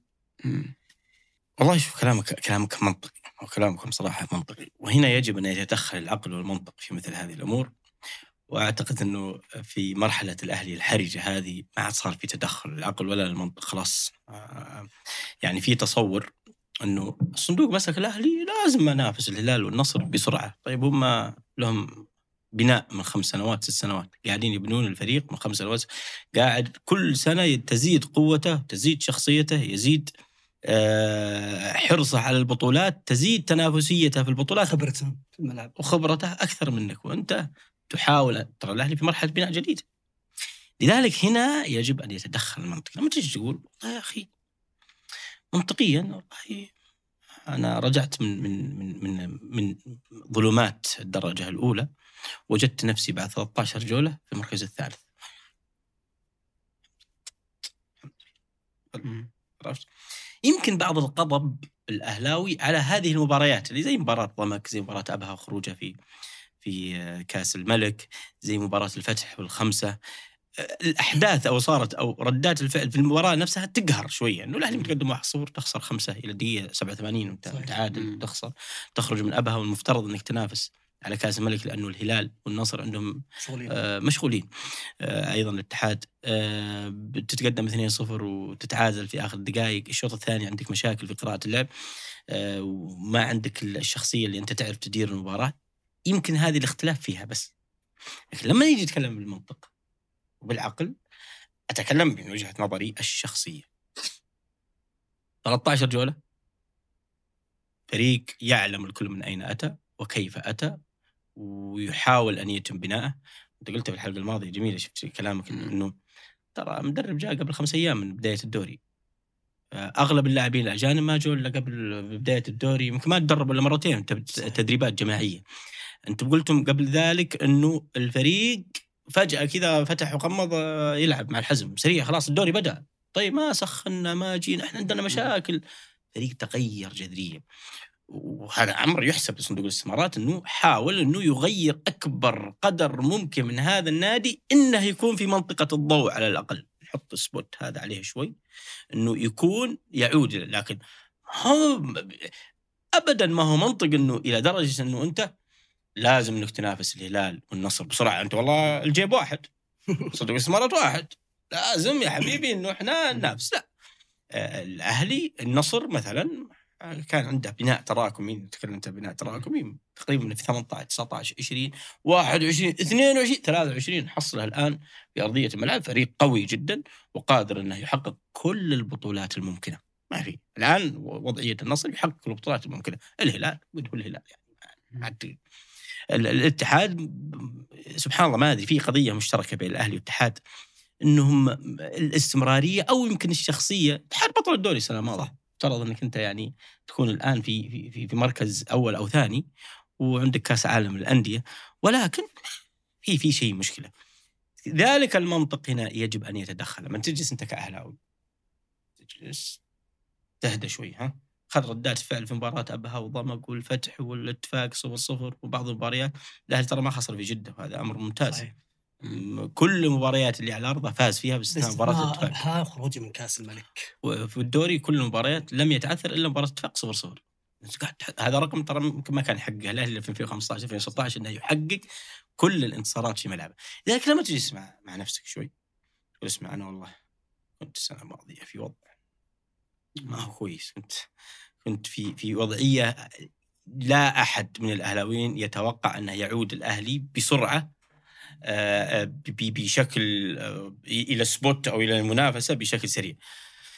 تجي تقول والله أنا منطقيا أفضل من الاتحاد بطل الدوري، أفضل من الشباب المستقر اللي ما عنده مشاكل لا إدارية، أفضل حتى من التعاون والاتفاق والفتح وخلف النصر والهلال والهلال والنصر الهلال أو النصر الثاني مباشرة، بل إني قدمت مباراة كبيرة ضد النصر انتهت 4 3 وقدمت شوط ثاني جيد أمام الهلال وانتهت 3 1 وفزت على الاتحاد. كلها برا ملعب ملعبك. كلها برا ملعب هنا المنطق يجب أن يتدخل. الأهلاويين لا يريدون يعني يت- يتحدثون بالمنطق لأنه خلاص إحنا عانينا ما عانينا. وجار علينا الزمان بشكل مخيف جدا. لذلك كلامك هذا لا يأك لا يقدم ولا يأك ولا ولا يؤخر. ما يأكلني إيش. أنا أبغى بسرعة أرجع افوز على الهلال وافوز على النصر. لا ما ما هو بالسهوله هذه.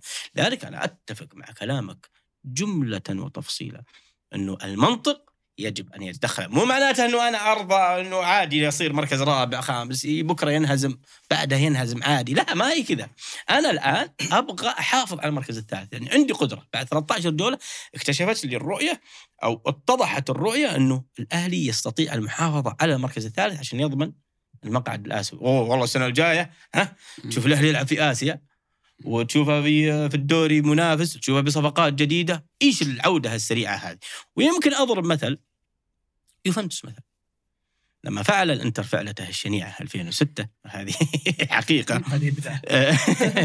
وهذه وهذه وهذه حقيقة. وهو بطل. وهو ال- الفريق الأول الذي يحقق جميع البطولات وهو تو راجع من نهائي أبطال أوروبا. من من أربع نهائيات أبطال أوروبا في سبع سنوات. من هو الفريق اللي يقدر يسويها الا ريال مدريد في الفترة الأخيرة؟ سبع نهائيات في آه، أربع نهائيات في سبع سنوات. آه، أتوقع وقتها في في العشر سنوات كان محقق ثمانية دوري أو أو سبعه دوري. أرقام مهولة جدا. تاريخ. تاريخ عظيم جدا. يعني أنت تتكلم عن صرح كبير قاعد يحقق كل شيء. فجأة حدث ما حدث. سنة. رجع لل- لل- للأضواء. هل إنه بعدها خمس سنوات. خمس 2011 سنوات. 12 كان يعاني يوفنتوس معاناة كبيرة جدا حتى يعود أو يلملم جراحه وفي 2011 حقق الدوري. 12 أو 2012 11 12 يعني تتكلم عن خمس سنوات حقق فيها الدوري. احتاج يوفنتوس خمس سنوات وهو يوفنتوس. ها؟ إنه يحاول أن يلملم أو يعود إلى نفسه أو يعود إلى الواجهة. أنا ما أقول إنه الاهلي يحتاج إلى خمس سنوات. أنا عندي ثقة في في في صندوق الاستثمارات عندي ثقة في رؤيتهم عندي حتى أعرف مدى حرصهم إنه الاهلي يصير منافس للاتحاد يصير منافس هو دائما يعني آه، يعني دائما هو الكعب العالي اللي اللي اللي ما صعب إنك تقول إنه ينافس الهلال أو الاتحاد أو النصر. لا هو في صلب المنافسة. لكن كيف ارجعه في صلب المنافسة؟ إنه كلمتك اليوم شيء. معلش أنت صبرت عليه في وضع. سيء جدا. يجب إنك في هذه المرحلة مو إنك ترضى بالتعادل أو ترضى بالخساره هنا هنا الربط بين هذه وهذه ترى شعره في بعض الناس بيفهمون كلامي شش بالله ما ضيعنا في الأهلي إلا هذا الكلام. ما راضيين المركز الثالث والرابع ترى يقولون ما ضيعنا في الأهلي إلا هذا الكلام. اي أنت مبسوط بالمركز الثالث بالرابع والناس قاعدين يضربون والناس قاعدين يضربون في صوت آخر يجيك هناك. عرفت اللي اللي جالس نفس الجلسة هذه؟ هادي. ما تعرفون مشاكل فريق تحول إداري غير طبيعي، تحول فني غير طبيعي،. تحولات غير طبيعية. واليوم ترى صار المركز الثالث، أنا ما أقول لك انها في المركز السادس ولا السابع عشان أقول والله كلامك صح، أنت راضي بهذه، لا أنا أقول لك في المركز الثالث وترى لو حافظ على مكانه في هذا المركز السنة الجاية هو في أبطال آسيا. صحيح. يعني شوف الأهلي ترى وقلت أنا وابو علي كم مرة قلنا الفريق الوحيد اللي غير جلده بالكامل. إدارة لاعبين أجانب ثمانية ما في نادي في الأربع سلام. غير كامل. صدقت؟ سبع لاعبين محليين بداية من من بداية من عطيف نهاية النابت نهاية بفراس بركان ومدرب جديد. مدرب في حالة ووضعيه جديدة الفريق جاي من يلو خلينا نقول لازم لازم نسمي الأشياء مسميات عشان الناس تفهم إلى منافسة جديدة. فصعب إنك تصنع هذا النجاح. ولكن الفريق يا أبو يا أبو هتان تحس إن في أخطاء فردية في الفريق تجلط. أنا بأخذ سؤالين. السؤال الأول اللي اختار هذا الفريق والأجانب تشعر إنه اللاعب ذا وقال مم. يعني اللاعب ذا إيبانيز ها إيش رأيك يلا نجيب إيبانيز. يمشي إيه، جيب كويس، جيب. جيب هذا كويس جيب. كيسيه كيسيه والله كيسيه مبدع مع جيبه حطه وبنى الفريق ترى ترى ممكن يايسله جاء تقريبا قبل الدوري ب 12 يوم بعد جاء إيبانيز جاء آه، ديميرال وجاء برضه فيجا. بس إنه already وكيسيه بس already كل الثلاث صفقات هذه متفق فيها قبل لا يجي يايسله ولكن بس باستثناء فيجا هو الوحيد اللي يعني اعطي الضوء الأخضر عليه ولو فيجا لاعب صغير يعني يعني لاعب ما عنده الخبرة الكافية وإنه ما يقدر يعطيك عصارة الشيء اللي تعلمه في غرفة الملابس في التعامل مع الخسائر في خبرة المباراة. يحتاج أحد يشيله يعني. بالضبط. فهذا الفريق ما بني بشكل سليم. لا وفوقها انت جايب سنترين. يعني بديهي جايب حارس وحارس من أول ما جاء. أنا أول ما جاء نزلت سنابه قلبوا علي الهلاويه ذاك اليوم لأني قلت إنه ترى ما يعرف يلعب برجولة. والحمد لله الله انصفني وعلى طول. اول اول اول مره ربي. ونفس الكلام على الثلاثه اللي انت جبتهم قدام. ما حد كذا تعب نفسه دخل Transfermarkt دخل أي شيء شاف كم هدف سجل كم مساهمة لهذا و- أو InStat أو اي موقع كم مساهمه وشاف الشكل اللي راح تلعب فيه. أنت حرفيا ماكسيمان الآن ثامن مباراة له على التوالي غايب أربع مباريات. وانصاب مع الهلال مع اتفاق مع كم مباراة اللي امس انصاب مع ضمك آه فيرمينو اللي انت رحت جيت جبت فيرمينو أعطيته قا- قائد شارة قيادة. يا أخي كيف تعطي فيرمينو قائد؟ اللاعب لا كان قائد لا في ألمانيا ولا في البرازيل ولا حتى في ليفربول ولا حتى قائد على بيته أتوقع. لا. حرفيا كيف تعطيه قائد؟ ورجل الآن 11 مباراة ما سجل و12 مباراة ما سجل ورحت جلست دكة. وكان يعني ما كانت حلوة إنك تحط يعني خلينا نقول نجمك وكابتنك دكة المباراة اللي راحت. ومر بهالمعاناة يعني. وغي لا ترى ترى يايسله عنده شيء مرة ايجابي أنا عاجبني فيه إنه إنه حاول حتى يغير طريقة اللعب. يعني حط فيجا في مركز صانع لعب شوي أعطانا ريحة شوي أو لمسة من اللاعب فنيه يعني أعطانا بعد حلو. لما حسن فيرمينو مع إنه قائد ما هو يعطيه بعد كويس في قدام راح لعب في رأس البركان يعني في في أشياء جالس يسويها جدا رائعة ولكن ما أدري صراحة أحس في في كمية أخطاء. وأنت دافع ميركاتو فلوس. يعني أنا كنت أتكلم في محيطي الخاص قلت الميركاتو هذا الأندية حقتنا لازم تفهم إنك إذا أخذت صفقة وأخذت قرار ترى قرار ما وراه ولا دول يعني أنت دفعت مبلغ كبير ترى ثلاث سنوات. لا تورط النادي وتنكب وتأخذ اللاعب وتبلش فيه ثلاث سنوات. لذلك عملية تغيير لما يجي واحد يشوفه في تويتر يقول له ما غير خمس لاعبين اجانب في الأهلي. ما هو سهل. وين؟ معليش يعني الفلوس اللي دفعناها طيب اللي قبل. okay بس يا ليتها كذا. أتوقع شوف أتوقع إنه بيصير في طريقة وسياسة في مساله في مساله اللاعبين اللي راح يتم التعاقد معهم في الميركاتو الشتوي أو الصيف الجاي، يعني أتوقع إنه ممكن يتم استهداف اللاعبين يودونهم الأندية في الدوري المحلي. في مثلا يروح نادي مثلا ضمك آه ماكسيمان يروح نادي أبها مثلا وتجيب لاعبين بدال. يعني بيصير في سياسة أكيد بس إنه مو شيء سهل، قراراتك اللي أخذتها تحمل مسؤوليتها. كلام وشرح وافي وجميل صراحة. إنه آه، الأهلي تجمع بدون النظر إلى المراكز والفريق يحتاج إنه كله يتغير. كذا لما جلسوا على الطاولة والله الفريق ده لازم كله أي لاعب موجود عندكم حطوه. بعدين بعدين نجيب مدرب بعدين بعدين بنرتبه بعدين بس أهم شيء أهم شيء لم أكبر إنه. غيروا الجلد ولموا أكبر قدر عدد من اللاعبين واللي تقدرونه في الطريق جيبوه. والله محرز كويس موافق محرز جيبوا جيبوا للأهلي في أوه كسرنا عين نابولي جيبوه للأهلي كويس كيسيه كويس مشي الوضع وكذا و... و...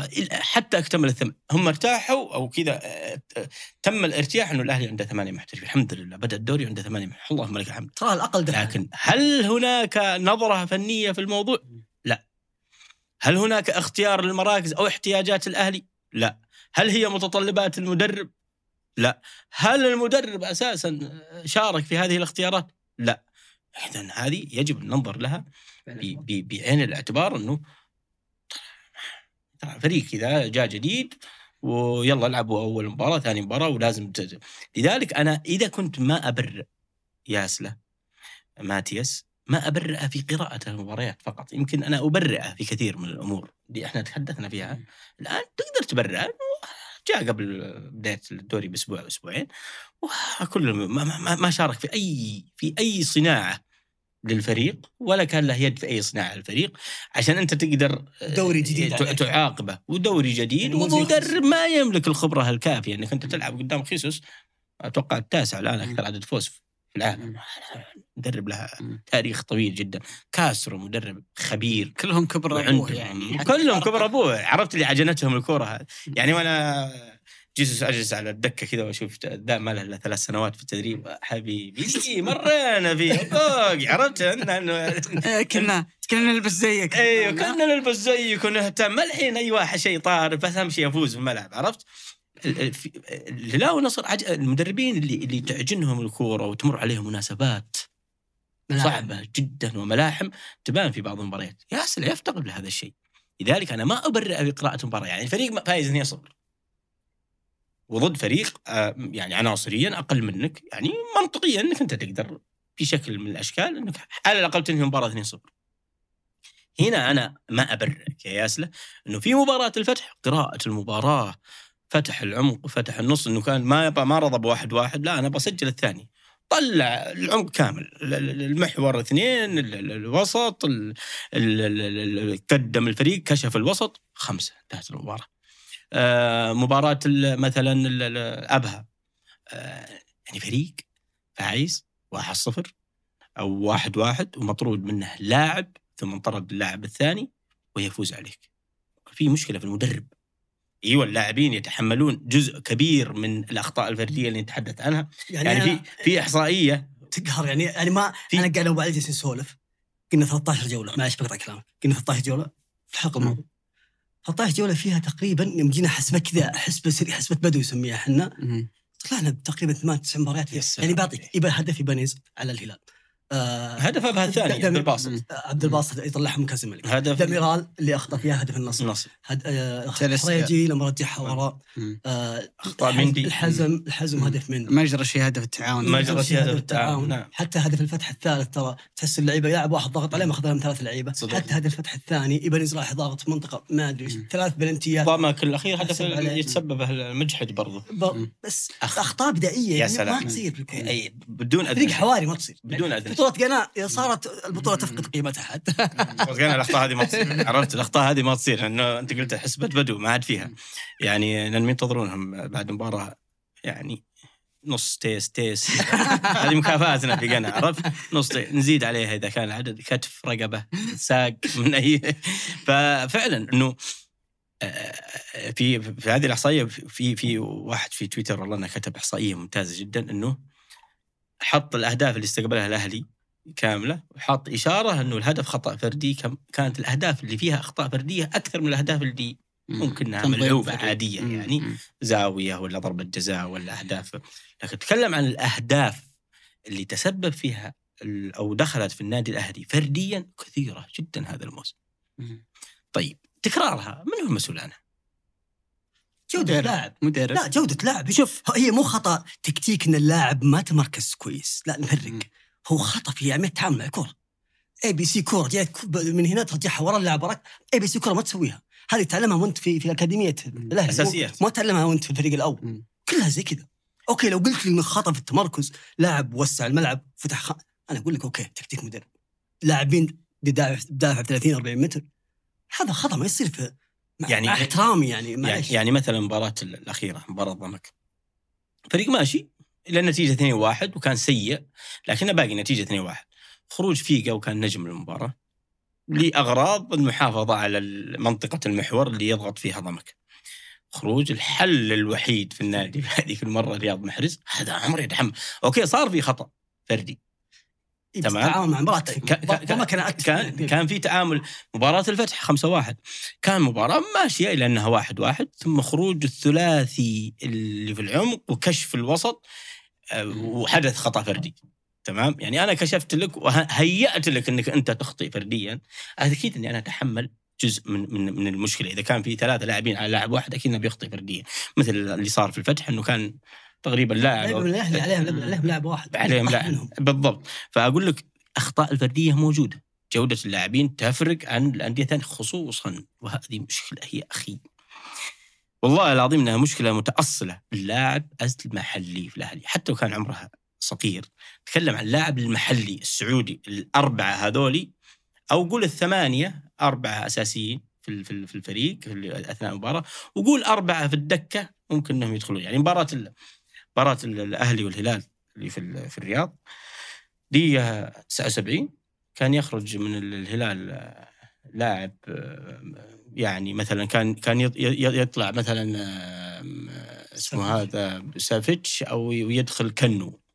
لا لا لا لا، كانه افضل لاعب في كان كان يطلع سعود حمود مثلا ويدخل البريك. أو يطلع ياسر الشهراني ويدخل بريك. لاعب عنده خبرة كافية جدا ويعرف يتعامل مع مثل هذا سلمان. الفرج.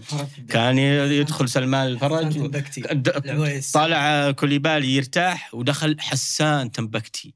تمام؟ لكن لما تنظر في الجانب الأهلاوي إنه أنا عندي مشكلة في الفريق الآن في ال- في ال 11 حلي ما هو موجود في الدكة ترى. حلي ابدا ما هو موجود في الدكة. ومع ذلك يطلع لاعب قيمته والله مدنية ويدخل لاعب قيمته أكثر تدني مع كامل الاحترام. ممكن سميحان نابت. يعني لاعب ممكن نجد فيه بعض بعض الحلول لكن ما هو اللاعب اللي أنت تنتظر منه إنه إذا دخل هو الحمد لله حسان دخل. دخل سميحان بي- بيغير رشيد دخل بيغير. لا مع كامل احترام لهم لعيبة مجتهدين ورائعين وكذا لكن ما هم الحل اللي انت بتقدر تنافس فيه الهلال والنصر واللعيبة ومدربين عجنت فيهم الكره وخبزت وفرق مستقرة من سنوات طويلة. لذلك الأهلي حل ما هو موجود في الدكة. ولا في الملعب. ولا موجود في الملعب. بس في, في نقطة أبو هتان إذا إذا تسمح لي، يمكن نتكلم كثير عن تنظيم المدرب وعن أخطاء العناصر، بس أحس إن في في واحد دائما ما يتم الحديث عنه، يعني تخيل آه، أحمد شراحيلي وبا مسعود ومد الله عليان زكريا هوساوي عمر هوساوي ولحق عليهم حسن كادش، تخيل ذولا يلعبون في خط دفاع ما في أحمد حجازي ولا يوجد وراهم قروهي. تأثير اللاعب القائد على خط كامل يفرق بشكل كبير جدا. يعني هلال مثلا كوليبالي زي ما قلت عجنته الكورة مع نابولي ومع تشيلسي لابورت مثلا في في في النصر أحمد حجاجي سابقا في الاتحاد. القائد في خط الدفاع وفي غرفة الملابس بشكل عام أعتقد إنها واحدة من النواقص اللي واضحة جدا آه، في الأهلي. والأهلي على مدى تاريخه يعني تتكلم عن تيسير الجاسم حسين عبد الغني مر عليه قادة أسامة هوساوي فترة من الفترات اللي لعب فيها في الأهلي. يعني دائما ما كان دائما عنده هذا هذا ال- الاسم يعني آه، حتى قبل التسجيل كنا نتكلم عن بوفون وشخصية بوفون. واللاعب اللي يقدر إنه يهز ال- الفريق ككل لما تحس إن الفريق بدأ. لعبتي يعني اللي, اللي تحس إنه يعني أنت لما ترتكب الغلط أنا قبل أخاف من المدر- المدرج قبل أخاف من المدرب اللي على الخط هذا ممكن يجلدني في الملعب أنا ارتكبت الهفوة هذه. أنا ما أحس إنه صراحة اليوم موجود في الأهلي. ب- ما هي موجودة من سنوات بالمناسبة. ما هي ما هي وليدة اللحظة. ما هي موجودة تقريبا من ثلاث أربع سنوات. حتى اللاعبين اللي كانوا شخصياتهم كويسة تأثروا بالمرحلة اللي اللي صارت في الأهلي نتكلم مثلا عن عمر السومه تأثر في مرحلة ما عاد صار اللاعب اللي ينتظره الأهلاويين أو يحاول أن يثق فيه الأهلاويين في المرحلة الصعبة اللي مر فيها. أغلب اللاعبين تأثروا وانتقلوا وصارت فيه مشاكل. سليم ال- المساليم حقيقة إنه إنه لاعب في يؤثر بشكل إيجابي كبير جدا في غرف الملابس. صحيح. آه لكن بيد الله يتكلم عن الملعب. يتكلم عن الرجل أو قائد حتى لو ما كان سعودي بالمناسبة. عادي إنه يكون أجنبي مثلا خالد بدرة جاء في فترة ما كان الأهلي بذاك القوة وكان يفتقد لكنها أثر على وليد الجحدلي حتى أصبح أساسي في المنتخب. أثر على محمد عيد حتى أصبح أساسي في المنتخب. آه كان. الجفين البيشي حتى أصبح واحد من نجوم المنتخب الشباب ثم بعدها أثر هو حسين ابو غني كان سنتر وظهير يسار أثروا على على السنتر الأيمن والظهير الأيمن بشكل غير طبيعي حتى على المحاور وقتها. آه، أتوقع صاحب العبد الله فهد الزهراني و إنه اللعيبة وصلوا للمنتخب بفضل إنه في شخصية. عرفت اللاعب اللي اللي آم، مدرب في الملعب. أنا ما همني مدرب. اللي, اللي موجود اللي موجود في على الخط وقاعد يصارخ وقاعد يحاول أن يعطي بعض الخطط وقاعد لا في واحد عندي في الملعب. يعني أعجبتني كلمة. والله إني ما أدري من هو اللي قالها. يقول كنا نلعب من أجل هذا اللاعب. ما هو عشان مدرب. كنا نلعب من أجل هذا اللاعب. عندنا واحد هنا بيقتلنا. كنا نحاول أن نلعب. أتوقع هو في الدوري الإيطالي بس والله إني ناسي. كنا في بعض المباريات في كثير من المباريات نلعب من أجل نسينا الجمهور والمدرج. مم. ونسينا حسابات بنفوز بنطلع من نصعد بننهزم نخسر مشكلة حسابات والأرقام. نسينا انه عندنا إدارة مكافآت في رواتب ما في. أحيانا نلعب لأجل هذا اللاعب. هذا القائد. تكلم عن المرجع إحنا تكلمنا قبل شوي عن المرجع. لا لا. أيضا الأهلي يحتاج إلى مرجع. تكلم لك مثلا في النصر. كريستيانو رونالدو. صحيح. أنا أنا أبغى ألعب عشان أثبت نفسي أمام كريستيانو رونالدو إني كويس. عبد الرحمن غريب الحين مثلا. الآن صار مستواه خارق جدا لأن كريستيانو رونالدو جنبه أنت كريستيانو رونالدو تاريخ امامك أنت ما عاد تبغى الجمهور ولا عاد تبغى. أنا أبغى أثبت إني أنا كويس أمام هذا اللاعب. أو إنه أنا أبغى يعني الناس ما قاعدة تشوف الفوارق الكبيرة جدا بين كريستيانو وبيني. هذا يؤثر ايجابا عليه. حتى في التمارين حتى في الحضور المبكر. الهلال. كل اللاعبين المحليين. الجيل الذهبي في الهلال. سلمان الفرج ياسر الشعراني آه علي البليهي ال- ال- المعيوف قبل الرحيل البريك ال ال ال ال هذول جيل ذهبي حققوا كم؟ آسيا ثنتين ثلاثة دوري وصلوا كأس العالم لا فازوا على الأرجنتين وشاركوا في في الفوز التاريخي. اذا هناك تتكلم عن قادة قادة في الملعب في أرضية الملعب. يعني لما أنا مثلا مثلا سلمان الفرج. آه، حقق بطولات كبيرة جدا. وأنا لاعب توي ناشئ أو لاعب وجدت الفرصة في الهلال إني ألعب سنتين ثلاث سنوات واثبتت نفسي. عندي سلمان الفرج موجود. إذا أتكلم خلاص ما خلاص سلمان قائدي. ما- مهما كان. وقائدي الذي أثق فيه. وقائدي الذي حقق بطولات كبيرة. وقائدي الذي أتمنى أن أصل إلى أرقامه. تفرق هذه. لكن أنت عندك قائد معليش. يعني آه، أنا أرقامي أكثر منك. أنا أفضل منك. أنا عجنت وخبزت في كرة قدم أكثر منك. أنا لعبت في أوروبا ولعبت في أنا أكثر منك. معليش تمام. ولا أنا عندي القدرة ولا أنا مكلف إني مثلا أقود الفريق وأحاول إني ألم ال- ال- الفريق. أنا جيت ألعب في الملعب بقدم أداء. كويس ولكن كقيادة تفرق. يعني مثلا أتكلم لك عن فيرمينيو؟ فيرمينيو ما ما ما أخذ كابتنية مع ليفربول. ولاعب أرقامها يعني لاعب لعب بشكل واحد طريقة واحدة أسلوب واحد يعني ما هو قيادي ال character حقته ما ما هو ما هو character قيادي كيسيه مثلا لا أنا لو وضعت القيادة لكيسيه تشعر إنه. تشعر إنه إنه إنه في شخصية في الملعب. أه تكلمت في خلف الكواليس عن بوفون،. بوفون 2016 ال- ال- الدوري حققه يوفنتوس 2015 2016 صارت بعض المشاكل الفريق صار يخسر ثم يخسر ثم يخسر. حتى وصل للمركز في الجولة السابعة والثامنة مم. 16 مم. 16 كانوا الجماهير يستهجنون على اللاعبين في الملعب. كان الجماهير في مباراة ساسولو فاز فيها ساسولو 1-0 في تورينو. شوف أتذكر هذيك المباراة. كنا كلنا يا أخي هذا فريق اللي جاب الدوري إيش بهم؟ هذا فريق اللي لعب نهائي أبطال أوروبا السنة الماضية. وش بكم السنة هذه؟ لا تت... ذهب بوفون بعد المباراة. اللاعبين دخلوا مدرب دخل الكل دخل. راح بوفون فسخ. قفازات وضعها وقال عندي بجيكم أنا الآن. كرفسود بجيكم بس أشرب موية وأجيكم. راح شرب موية ورجع الصورة الشهيدة أو المقطع الشهير اللي اللي ما في في الملعب الا هم القنوات. راحت الكل راح وتحدث معهم بحديث قائد بحديث محب إنه إيوه إحنا نعاني من بعض المشاكل آسفين لكن مسحوها بوجهي هذه المرة. ما لكم إلا عوده ما نبغاكم تستعجلون على اللاعبين. إحنا نحاول أن نرجع بشكل أو بآخر لكن استهجانكم أو ضغطكم على اللاعبين ممكن يأثر علينا بشكل سلبي في هذه المرحلة. تحملونا ثلاث أربع مباريات. هذا خشم. هذا خشم ما لكم الا طيبة الخاطر بس تحمل لما يجي بوفون عندي واحد بتاريخ عظيم بشخصية عظيمة ب character واحد أنا أسميه واحد من أفضل الشخصيات في كرة القدم. شخصية. خليك من الشخصية الفنية. شخصية character. آه بوفون جاني هولا أخوي الكبير هذا. هذا مثل أخوي الكبير اللي هو مرجع لي. ما انت كذا أبشر على الخشم وفعلا طلع بيان من الكورفا سود بعدها إنه إحنا سندعم اللاعبين بناء على ما حدث بيننا وبين بوفون. شوف كيف الثقة. انتهى الدوري يوفنتوس بطل. وعاد من المركز 16 إلى المركز الأول وأخذ الدوري. شوف الموهبه هذا اللي ثلاث. دقائق شوف كيف أثر في الفريق. مم. هذه أشياء ما تجدها في أي فريق.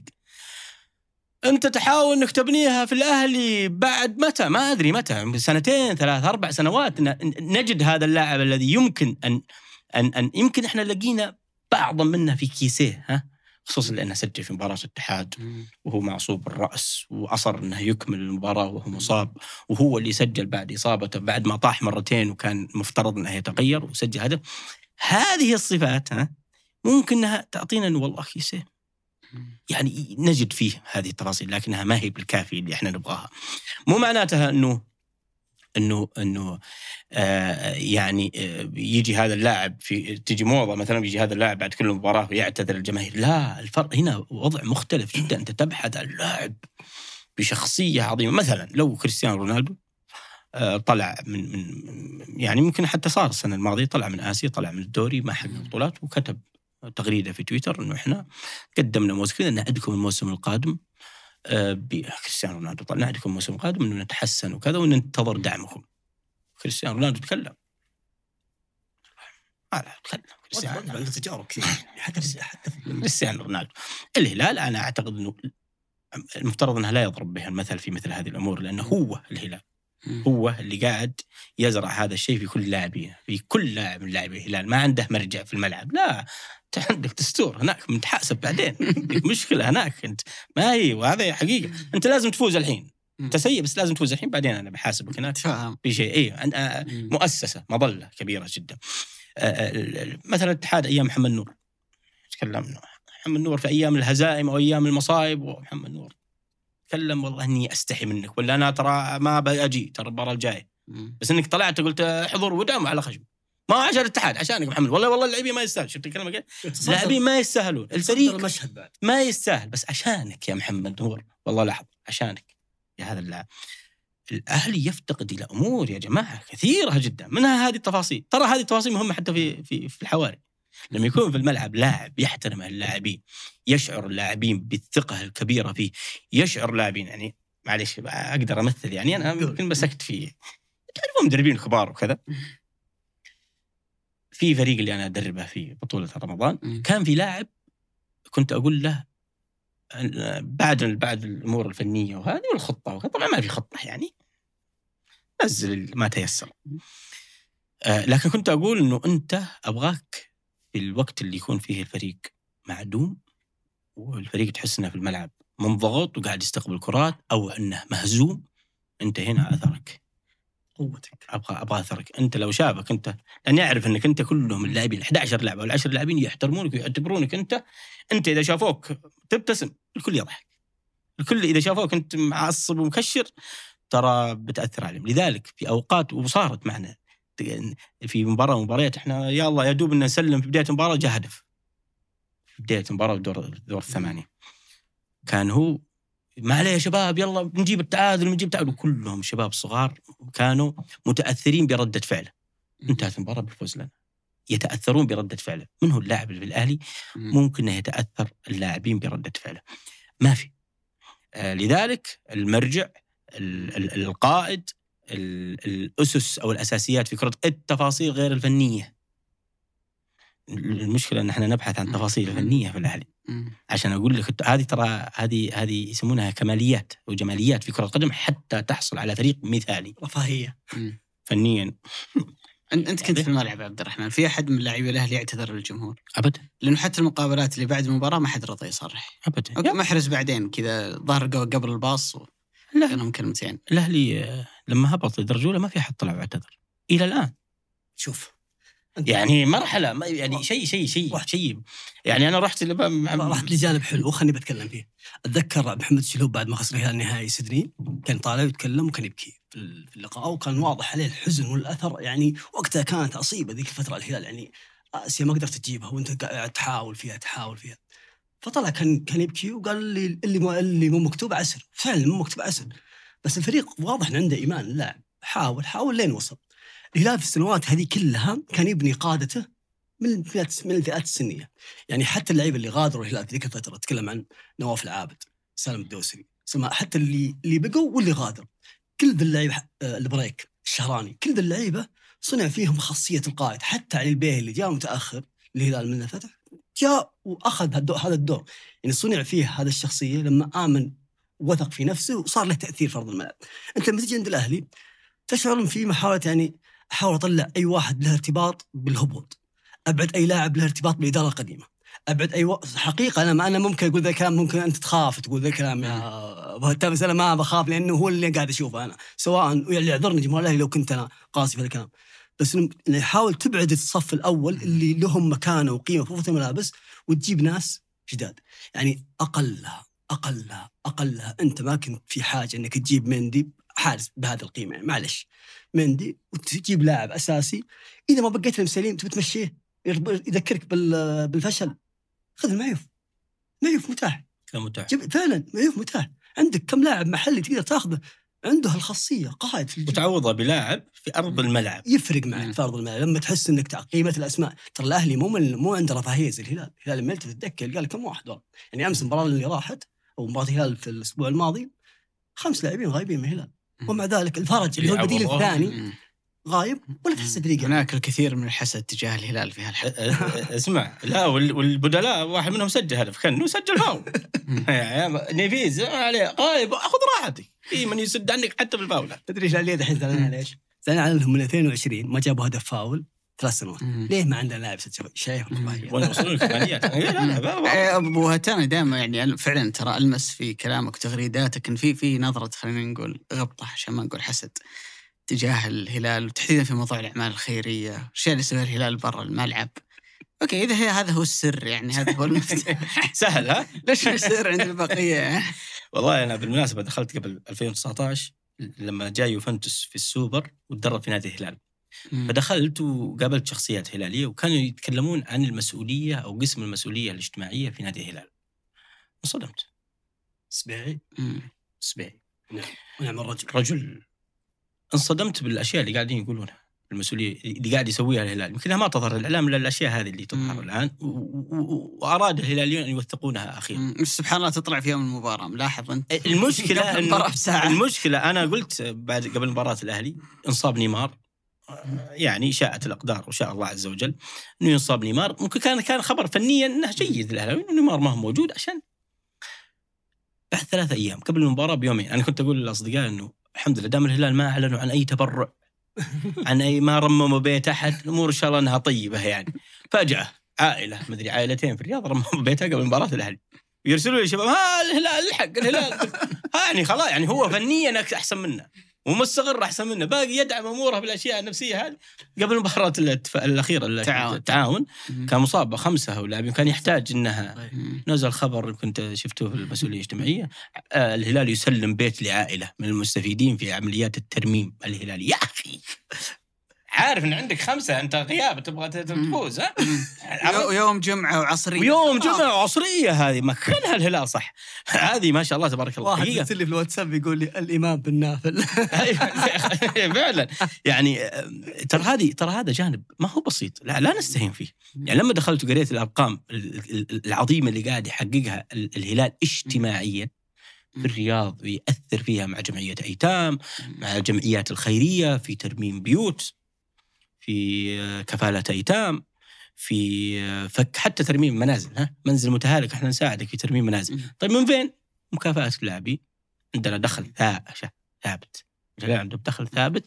ما أدري هل هو 1% 2% من مكافآت اللاعبين؟ يذهب إلى ريع المسؤولية المجتمعية للمشاركة في الخدمات أو الأشياء الخيرية. المشكلة الوحيدة أنا بيني وبين هلال إنه ما يعلن عن هذه الأمور إلا إذا كان وضعه ما هو كويس. عنده خمس لاعبين غيابات ها؟ سوق سوق رمم بيت. عندنا مشكلة المباراة الجاية مع التعاون. رمم لك بيت. عرفت؟ عندنا والله يا أخي عندنا النصر المباراة الجاية النصر أقوى منا وكذا. المباراه الاسيويه أتذكرها. مباراة البليهي. قبل المباراة الاسيويه النصر في بيلعب في في مرسول وفريق المفروض إنه رمم ثلاث بيوت. على طول تعرف المسؤولية؟ وهذه علاقة غير طبيعية بين المسؤولية الاجتماعية والكورة. يتصل ها اموركم طيبة. يحتاج ترميم بيوت ولا لا؟ لا لا لا بنفوز بنفوز المباراة الجاية. إذا في نقص إذا في مشاكل يتصل اسبوعي اسمع كم تبغى كم؟ مباراة صعبة ولا؟ إيه، مباراة صعبة ولا؟ مباراة لا والله شوف إحنا بنقدر بس في أشياء كذا. خلاص بيت واحد يكفي. بيت واحد جاب لك آسي.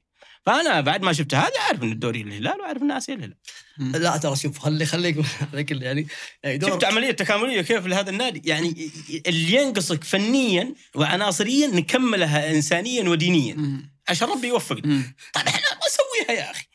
نقول لا عاد الشباب عندنا في الأهلي يا أخي تبرع يا أخي 5% من راتبك. ما هو من راتبك 5% في السنة. حطها في صندوق استثماري شارك في ال- في في أي. الحمد لله الأهلي بدأ يعني في هذا الجانب بس إنه يعني عرفت إني على استحياء ما يظهرها بشكل ممتاز. المفروض إن- وهذا ما هو عيب. هذا اخترت توقيت المناسب يا أخي ما يختار ما يختار يوم جمعة العصر. يضبط. وضعه كذا مباراة صعبة ديربي بدل مدري لا تتذكرون أنتم الأندية قبل مباريات كبيرة زمان كانوا يجيبون بعض المشايخ في النادي إنه وكانت سبحان الله يلقى بعض يعني نفسيا هي يلقى بعض الأندية أثرها ويفوز فصاروا الأندية. كلها تذهب هذا المجال. أنا أرى أنه هذا الجانب جانب مهم جدا. الهلال قاعد يكمل كل النقص اللي عنده بهذه المنظومة إلى درجة أنه يعرف يختار متى يرمم بيوت الناس. ومتى ومتى قاعد يتصدق ومتى قاعد يكفل الايتام. يعني أرقامه ترى مهولة وفعلا ترى ترى المسؤوليه الاجتماعية الآن بند مهم جدا حتى في حوكمة الأندية. يركزون دائما على البرامج الاجتماعية، المسؤولية المجتمعيه، ماذا فعلت أنت النادي في الدخل اللي يجيك مجتمعيا، كيف أثرت فيه؟ هل حتى في الأندية العادية اللي ما هي. جماهيرية، رياضي الأندية العادية. اجتماعي. أي الأندية العادية اللي ما لها جماهير، أتكلم عن نادي ضمك. مهم جدا المسؤولية الاجتماعية إنها تكون واحدة من أقوى الإدارات. إنها تؤثر في مجتمع المحيط اللي موجود، ماذا فعلت؟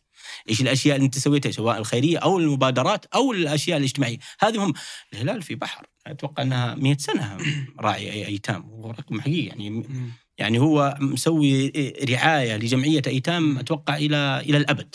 والحصري والوحيد. متكفلين بأشياء كثيره ويزرع اشجار بعد كل هذا. يسوي أعمال. وبي أعمال- أعمال خيرية. لها دور ترى كبير يعني نادي كرة ترى الناس والله يا يا ابو أبو علي ترى الناس يستسلمون في الأمور هذه. لا ش- أنا خليك أنا ممكن البعد الثاني حقها لأنه طيب خلاص خلني أنا أتصدق وبفوز. ما, ما تربط زي كذا يعني هي لها أيوه ما تشتغل في الملعب قصدك. لا يا حبيبي. لا أقصد لها امتداد طويل ما تجيني وقت الازمه تجي تقول يلا لا اذا مرضت يلا بتصدق عشان تشافى نفس. بس شوف الأندية بشكل عام دورها رياضي ثقافي اجتماعي. مهم جدا يكون لك دور اجتماعي في المنطقة اللي أنت فيها أو حتى خارجها عشان حتى تكون وتزيد شعبيتك. يعني أنا لما يكون لك دور مجتمعي مهم في البلد تعزيز الولاء يسمونها نعم. خلاص أنا أحبك بزيادة. حتى الدور الثقافي لما يكون موجود في نفس المنطقة الجغرافية اللي أنا أنتمي لها أنا باجي أشجعك. عشان كذا ترى أنديتنا ما ما في ما تمتلك خصوصا الق- القلة ما تمتلك جماهيرية نفس ما نشوف في إنجلترا وفي إسبانيا وفي إيطاليا. تلقى النادي الأهلي يروح يلعب في ابها جمهور الأهلي فل حرفيا. هذا اللي صار. صحيح. طيب أبو هتان خلينا شوي نروح لجانبك الشخصي. جانب الحس التدريبي اللي موجود عندك وحضورك ال- المختلف دائما في ال- الدورات الرمضانية. آه، أنت أنت من قنا من قنا تحديدا. نعم. وش سر ال- الشعبية الكبيرة جدا اللي صارت في البطولة السنة الماضية أعتقد. سنتين اي الماضية. السنتين الماضية والمقاطع الجرينتا وال الحضور الطاغي. واضح إن المدرج يحبك يحبك مرة. الله يرفع قدرك دور يا أنت كذا. مترازي حسيت. إنك كذا لحظات إنك كلين. أحس كذا عيشوك الجو. عرفت أنت عندك ملعب عندك جمهور عيش جوك. الذي تريده.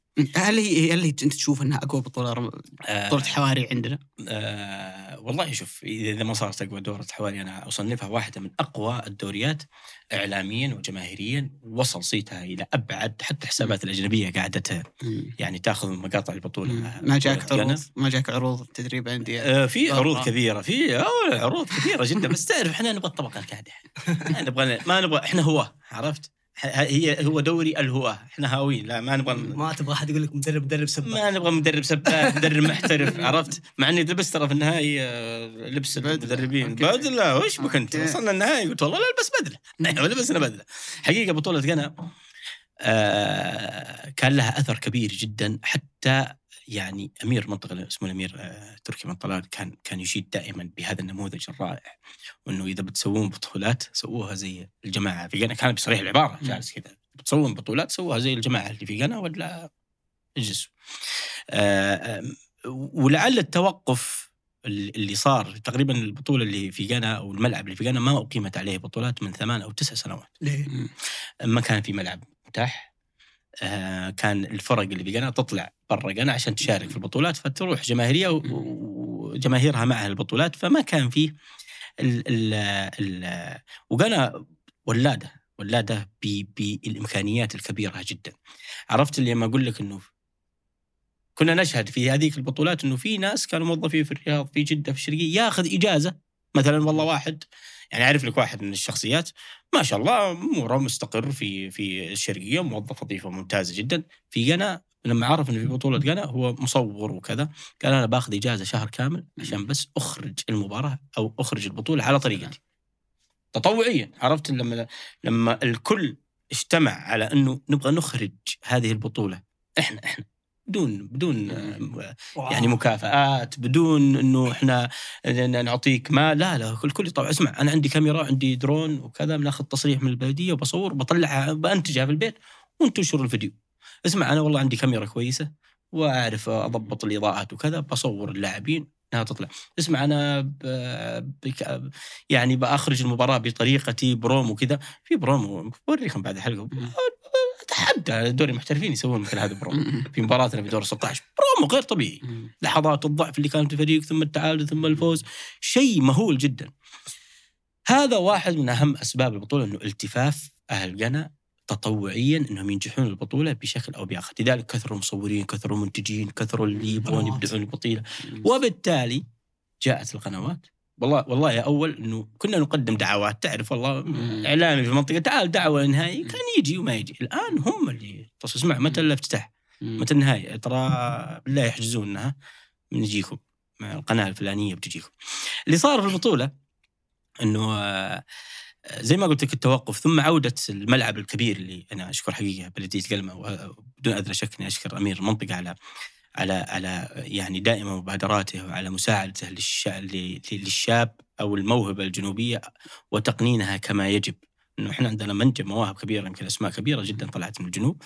ثم كان صرح ممتاز. طبعا ملعب غانا يمكن واحد من الملاعب القليلة الرسمية الكبيرة اللي في الجنوب. يعني إنه 11 11 ياخذ اوفسايد وملعب رسمي وملعب حجمه مناسب جدا مدرجات. وتم يعني ياسر مسحل اتصل في النهائي. يشتغل الوزارة ستتكفل ببناء مدرج آخر بعد الأشياء اللي شفناها في البطولة الأولى. ما جاءت البطولة الثانية إلا المدرج الثاني الخلفي موجود. لكن أنت سألت عن نقطة حساسة يا بيد الله إنه إيش السر ال- ال- ال- إنه أنت معطي معطين أنت البطولة انطباع أنها كأنها دوري أبطال أوروبا؟ يا أخي لما تطلع لما تط... لما تدخل الملعب أنت الحين تدخل بعد طيب 3000 الجمهور 4000 5000 كثير مو سهل. مو سهل. آه وناس في الجبل وفي رسائل تجي قبل وقريتنا لا تفوز على قريتهم. وقريتهم لا يفوزون على قريتنا. ضغط. ما الأمر ما عاد هو فني. واسمعوا لك تيس بعد طالع خشب عرفت؟ إنه هذه هذه الأشياء أو التفاصيل الجميلة جدا. لما تدخل الملعب يعني أتكلم لك عن إحنا لعبنا في دور الثمانية مع فريق من خارج غانا فكانت المباراة الوحيدة اللي اجتمع أهل غانا كلهم معا. فريق معدل اعماره صغير جدا نتكلم عن 19 18 في واحد 17 سنة كان يلعب معنا. مم. 20 21 22 سنة يمكن أكبر لاعب عندنا الوحيد اللي هو 34 سنة في الدفاع. البقية معدل اعمار صغير. الو- في الدكة يعضون أصابعهم من التوتر. وهذه حقيقة أنا أشوفها. ما, ما, خلاص معليش شباب معليش. عاشوا أجواء غير طبيعية. لما تدخل الملعب في دور الثمانية مثلا إحنا في دور المباريات العادية يقسم الجمهور في فريقين من قنا وفريق من ضواحي قنا يشجعه وفريق هذيك المباراه اللي يمكن إنها كانت مباراة عظيمة جدا وهي ونص النهائي. كان فريق من محافظة أخرى أو من مكان أو من مركز آخر قنا فلما دخلنا المباراة الكل تفاجأنا. قبل المباراة قالوا أقول لك ترى بيسوون تيفو. تيفو؟ والله بيسوون تيفو. بتشوف اسمع ترى صورتك بتكون موجودة في مدرجات ترى شفت الصورة حقتك هذيك اللي تقول على راسي. ترى طبعوها بت- بتشوفها ببنر كبير زي هذا. وتشوفها في مدرجات. ولا إيش بكم أنتم؟ شعرت للحظة. إنك مورينيو حتى غصبا عنك تشعر إنك مورينو مم. لما تدخل الملعب خلاص قبل المباراة بعشر ربع ساعة أو نص ساعة مثلا تشوف المدرجات من العصر من بعد الفطور عفوا جالسين وحاجزين شفت الحجز عندنا كيف؟ الحجز ما هو الكترونيا ولا بالشواية هذه ولا لا سجاد سجاد اكتب عليها وجه الله ما تجلس أجي أقرأ الورقة؟ والله هذا والله ما شيمه وقيمه ما أدري. هذا الحجز عنده فلما تجي وتشوف تدخل الملعب وفجأة كذا تسمع الجمهور كله يهتف. 3000 4000 5000 مم. دحمنتيني دحمنتي الادرينالين أنت أنت أنا أعداد الأدرينالين عندي يحتاج له بس حتى لو ما ولعت ولع تكه أنا ما خلي الباقي علي. ما بالك إنه أنت تدخل الكل يهتف باسمك. الكل يهتف باسمك باسم فريق. يعني أنا من الناس اللي اللي اللي ما أقاوم مثل هذه الأشياء فأكيد إنك بتروح المدرج تبادلهم هذه المحبة مم. تبادلهم ال ال الاحتفالية قبل المباراة ترى قاعد يسوي ما بالك إذا فزنا إذا فزنا إذا فزنا صار علي صار معي موقف مم. بعد فوزنا في هذه المباراة لأن فزنا على مكان ثاني أو مركز ثاني إحنا صرنا في الترند الآن أنتم الآن بيضتوا الوجه بطريقة. غير طبيعية مم. وندعمك المباراة الجاية مثل ما دعمناك المباراة هذه بعد مباراة الساعة قبل قبل قبل السحور رحت سوبر ماركت أنا واحد من الشباب وخذيت لي عصير وبسكوت و... والله العظيم إني وأنا عند المحاسب انه مسكني واحد من كبار السن.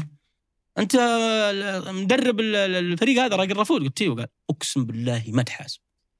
كم كم كم الحساب؟ كم الحساب؟ 29 ريال؟ قلت والله ما تحاسب. كبير في السن. أفرحنا أو يعني وحضر المباراة قالوا انه حضر المباراة. يعني لأنه هو من القرية هذه. فقال لا لا والله ما تحاسب. موقف بسيط جدا بس إنه شوف كيف أثر في قلوب الناس. إنه تروح أنت تبغى تتعشى في مكان يشوفوا والله العظيم ندق لك الحين تبغى نزيد معها كتف ربع ما تيس ما يكفي. لازم نزيد. فأدخلنا ال- ال- السعادة إلى قلوب ال- الجمهور والجمهور في قنا في قنا مختلف أنا أقولها بصريح العبارة. ذواق. لما يحضر ما يحضر عشان يعبي مدرجات يحضر عشان يحد يحدث وهو شارك جماهير قنا شاركت في إحداث النقلة النوعية الكبيرة اللي شفناها في بطولة قنا إلى درجة إنه الوزارة تتصل سمو الأمير يتصل إيش اللي ناقصكم؟ إيش اللي تبغونه؟ الحمد لله ترى حتى شوف كيف أثر ال- يعني الطرق اللي كانت قريبة من الملعب.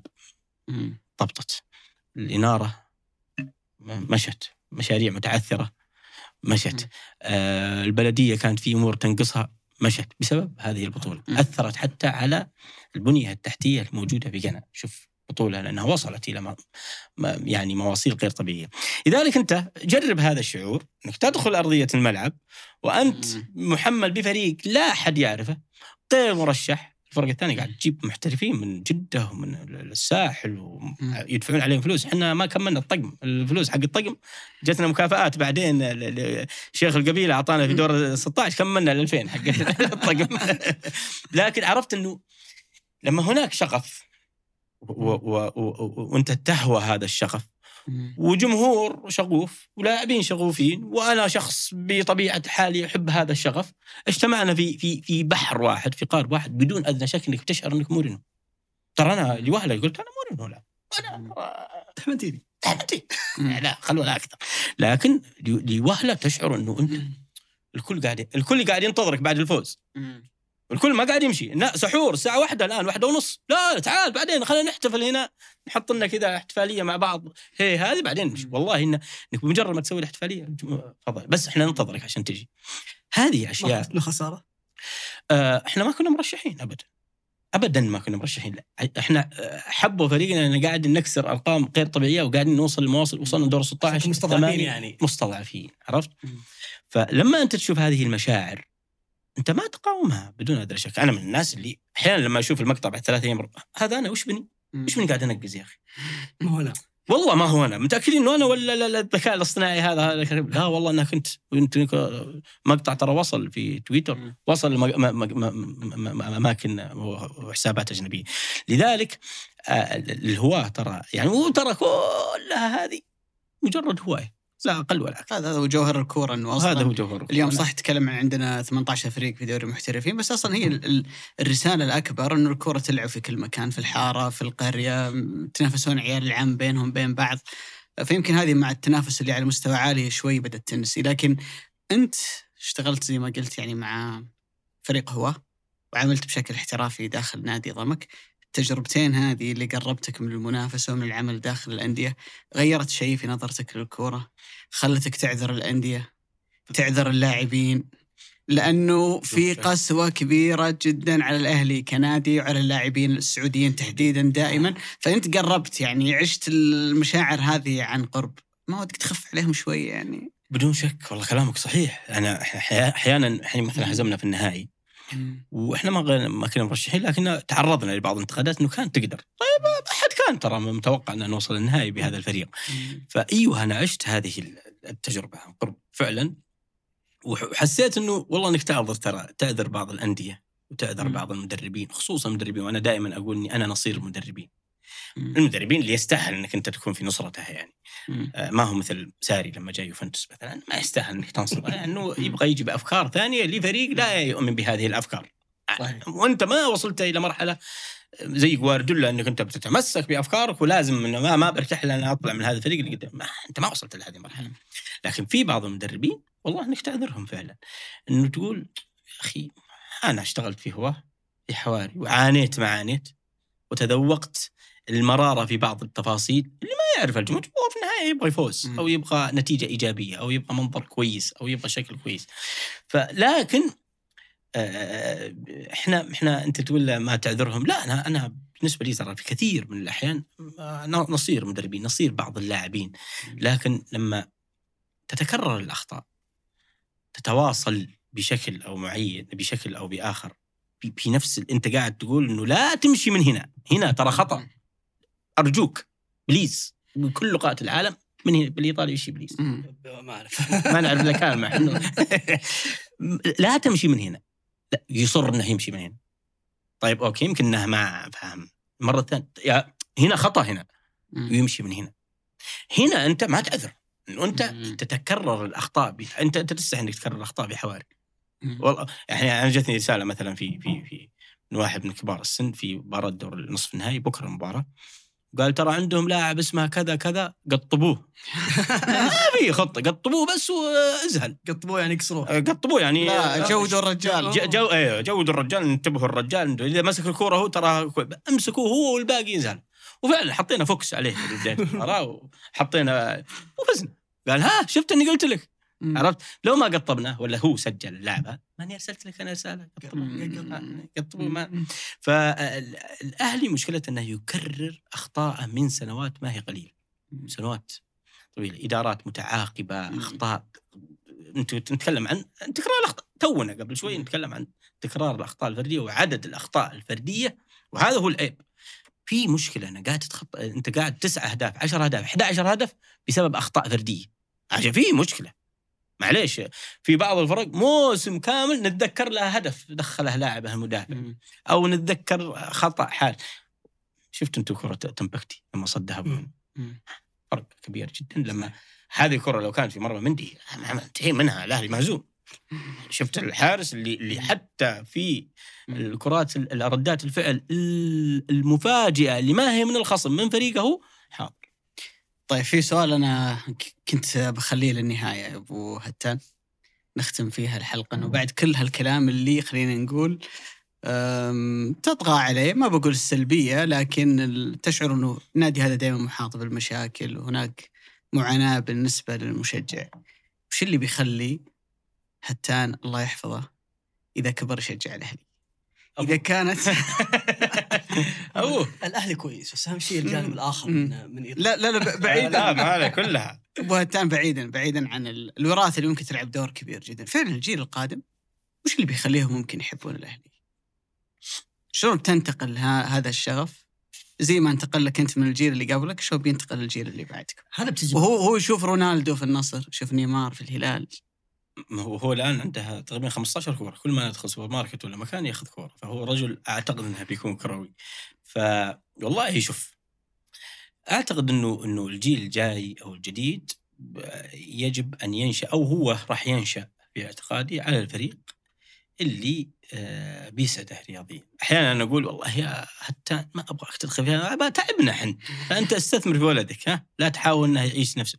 واحيانا تقول والله إن إن في كلمة جميلة قالها قالها علي الكعبي في في الدوري الإيطالي. يقول م. حتى لما لما كان الدوري الإيطالي في مراحل سيئة وانتشر له أو كبر صيت الدوري الإنجليزي قال يقول العاشقون لا يغيرون انتماءاتهم. الدوري الإيطالي مثل القهوة المرة هذه اللي طلبناها قبل.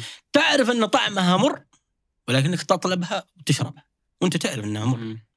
مر عليك بس إنك تطلبها وتشربها. ما تحسن مزاجك إلا هي. أحيانا تقول إنه والله يا أخي إحنا أنا ورثت الأهلي بصراحه العبارة. أنا ورثت الأهلي من أخوي الكبير من والدي من أخواني الكبار من خوالي. آه، ورثت لكنهم ورثوا أهلي. ما كان يقول لي يا أخوي أنت ما تعرف إيش كان يسوي دابو مثلا. ما كنت تعرف إيش يسوي احمد صغير ما كنت تعرف كان الأهلي. يسوي خالد مسعد. قهوجي كان يمتعنا في الملعب. تبغى فنيا تبغى مهارات. الجيل القادم أو كيف تجعل الجيل القادم أهلاوي؟ أعتقد إنه آه، آه، إنه يبقى الأهلي أو يعود الأهلي فارسا كما كان. ترى الأهلي له نكهة مختلفة. يمكن أنت ذكرتها في بداية الحلقة أنت وابو علي. إنه يا أخي سبحان الله رغم إنكم ما تقدمون شيء في الملعب بس إنه في في في في علاقة غير طبيعية بين المدرج وبينكم. رضاوة الأهلي أبسط منها ما تتوقع. زعلوا في مباراة أبها. خرج من دور 16 مباراة الرياض. لما فاز الاهلي الرياض شعر الأهلاويين أنهم يملكون الدنيا وما فيها. رضاوتها بسيطة ثلاث نقاط. بينما بعض الفرق رضاوتي أنا دوري أبطال آسيا رضاوتي إنك تفوز بالدوري رضاوتي إنك تستمر في الانتصارات لفترة طويلة ممكن هذه رضاوه رضاوة الأهلاوي بسيطة. ترى على ما هو بس في كرة القدم. ترى رضاوة الأهلاوي شوف بالله ركز بهذه الكلمة. رضاوة الأهلاوي ها؟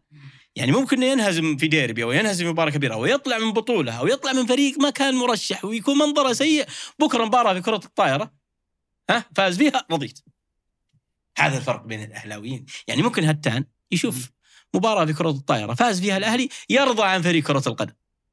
فهمت؟ يرضى عن المشاكل اللي بتصير والله خلاص أنا اهم شيء إني عشت اللحظة الشيء الزين تدري وش يبغى؟ انه إنه الأهلي المآسي اللي فيه أو اللي يعني استمرت طوال تاريخ الإحباط، العودة، الحب، الشغف، الرغبة، النجاح، الفشل، الأشياء دي كلها هي الأشياء اللي تمر فيها أنت في الحياة. لما تكون المآسي في فريقك كنت تشجعه شوي يعني تعطيك آه، تحكك على قولة الشيبان تحكك تخليك تطلع إنسان قوي للحياه. أنا والله كلامك ترى صحيح. ترى أنا كنت أقول واحد من الشباب قلت يا أخي والله نتعرض لمشاكل أي أحد يتعرض لمشاكل في حياته أو يعني لحظات كذا تفرق في قرارات معينة أقول الحمد لله الاهلي أعطانا هذه كلها. الحمد لله. صارت هذه كلها توافه اللي قاعدة تصير في حياتنا هذه لا وش؟ والله انتبه في مشكلة بكرة. هذه مشكلة. قد تعرضنا لمشاكل. الاهلي أعطانا وعلمنا ودرسنا أشياء أكبر. فهذه والله ترى في بعض الناس يعني يتعيب من إنه آه، أنا أتكلم عني شخصيا أنا شخصيا. شخصية بوفون أثرت على شخصية دحمنتيني مثلا في في الملعب. أو آه، مش تقليد لكن شخصيته أثرت إنه أنا لما أتكلم عن بوفون غير لما أتكلم عن كاسياس مثلا. كلهم لعيبة لعيبة لعيبة كبار وحققوا انجازات كبيرة. لما أتكلم عن بوفون أو ديل بييرو غير إني أتكلم عن كريستيانو وميسي. صحيح. تمام؟ وهم هذا بطولاتهم أكثر. لكن دائما لما أتكلم عن الأهلي ما هو مثل ما أتكلم عن الهلال مع إنه الهلال محقق وقاعد يبسط وقاعد وقاعد يحقق كل لكن لما أتكلم عن الأهلي أجد راحتي في هذا الجانب حتى لو كان بشكل سلبي. حتى لو كان والله انه يقهرنا بس إني أجد راحتي والإنسان ما يتكلم في شيء أو يفيض في شيء إلا إذا كان يحبه. الإفاضة في الشيء. يعني أنا لو تقول لي تكلم عن بوفون مثلا. بقول لك ما عندي مشكلة. الحلقة أربع ساعات خمس ساعات ما عندي مشكلة. بتكلم لك عن بوفون تبغى فنيا شخصيا آه، اخلاقيا آه، كل شيء. زوجته تكلم. كل شيء كل شيء. آه، حياته. أنا الأهلي ما عندي مشكلة أتكلم حتى بسلبياته لكني أجد ارتياح في هذا الجانب. ما عندي مشكلة. أجد راحتي في هذا الجانب. غير لما أتكلم عن الهلال وهو كل ثلاثة شهور. بطولة. مم. وقاعد يرمم بيوت خلق الله وقاعد يكفل الأيتام وقاعد فهذه علاقة أعتقد إنها أعتقد في وجهة نظري يمكن هذا هو الجانب الإيجابي للأهلاويين وتعلقهم بهذا النادي. تعلق غير طبيعي. لذلك أنا أكرر ما أو أنهي ما بدأته في هذه الحلقة انه عاطفتي أمام هذا المدرج. عاطفة. لأني أنا من هذا المدرج. وأنا أعتبر نفسي أنا لست إعلامي أهلاوي. ولا مشارك ابدا في في بشكل رسمي أو شبه رسمي في في إنه أدافع عن الأهلي بأي حق أو إنه أنا ترى جيت هنا مشجع. أجي في بعض البرنامج مشجع مشجع فقط. زي اللي موجود في المدرج وقاعد يهتف آه، اهازيجه وقاعد يهتف من كل مدينة آه، جينا ولعبها جينا من كل مدينة والأهلي جينا من كل مدينة. فلذلك العلاقة الوطيده بين الأهلي ومدرجه وجماهيره هي ال- الشيء الوحيد الذي جعل الاهلي يبقى ترى يمكن لو تخلى الجمهور السنة الماضية ما حضر مع السنة. أنا بكبر راسي يا إيش الشغل معاه يأخذون ملايين وراتبه 90000 80000 تعرف إيش دخلني فيه؟ لكن في حاجة هنا سيفين والنخله الأضعف قدامه الشعار هذا أضعف قدامه لذلك هذه العلاقة الوطيدة هي اللي هي اللي خلت إنه الاهلي بيعود وكلامك اللي أنت قلته قبل شوي إنه إيش بتخلي الجيل الجديد يشجع؟ هذه الأشياء اللي متأصلة بترجع الأهلي للواجهة وبالتالي سيعود الأهلي كما كان بإذن الله وبالتالي سينافس الأهلي الهلال والنصر وبالتالي سيعود الأهلي إلى منصات التتويج. وإذا عاد الأهلي منصات التتويج أنت بتحافظ على النشء okay كريستيانو موجود في هلاليين الآن. ترى يقول لك أنا أحب غير ميولهم بسبب كريستيانو رونالدو. بس باقي يقول لي إذا راح كريستيانو رونالدو بكرة برجع للعادي ما عندي أنا أنا أخوي مسك يقول يقول انتبهوا. انتبه انتبهوا إيه. فهذه هذه إجابتي على سؤالك إنه إن شاء الله سيعود لأنه تعدى المرحلة الصعبة في حياته. وبيعود في السنوات ال- ال- القليلة القادمة منافس وبالتالي إن شاء الله بنحافظ على النش. هناك جيل أهلاوي قادم بحول الله لن يندثر. شكرا لك يقوده هتان. شكرا لك عبد الرحمن. شرفتنا وأضفت لنا وبإذن الله تعالى أنه نلتقي مجددا. والأهلي يحقق منجز سواء في الدوري أو في كأس الملك أو في أي بطولة أخرى لأن هذا النادي ولد كبيرا وسيظل دائما كبيرا. سعدنا بوجودك معنا وإضافتك لنا يمكن حلقه من أكثر الحلقات اللي استمتعت فيها وفي إدارتها. الجو فيها كان خلينا نقول رايح. لا يعني رغم خليط إي خليط ما بين ذلك آه، كله فشكرا لكم مجددا. شكرا لكم. أنتم والله الإضافة. آه لا تعلمون وهذه كلمة حقيقية. وأنا قلتها لأبو علي وقلتها لكم لكني أقولها الآن.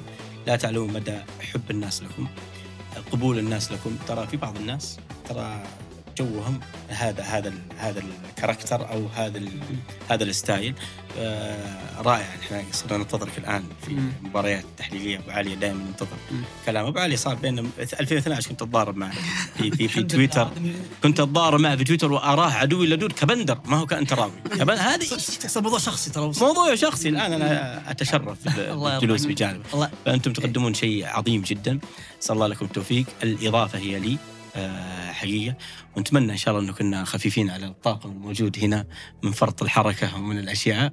وخفيفين برضو على ال- ال- الناس اللي يتسمعون. موسعين الكاميرا إحنا ماخذين دا آه، إيه إيه يسمونها ذي؟ الواسعة الواسعة. إيه لما قال لما قال الناس إنه أنت بتروح بودكاست قاعد تسمع. ترى والله إني بودكاستات أنام فيها. فحاول انك تلطف صوتك كذا تكلم. كذا.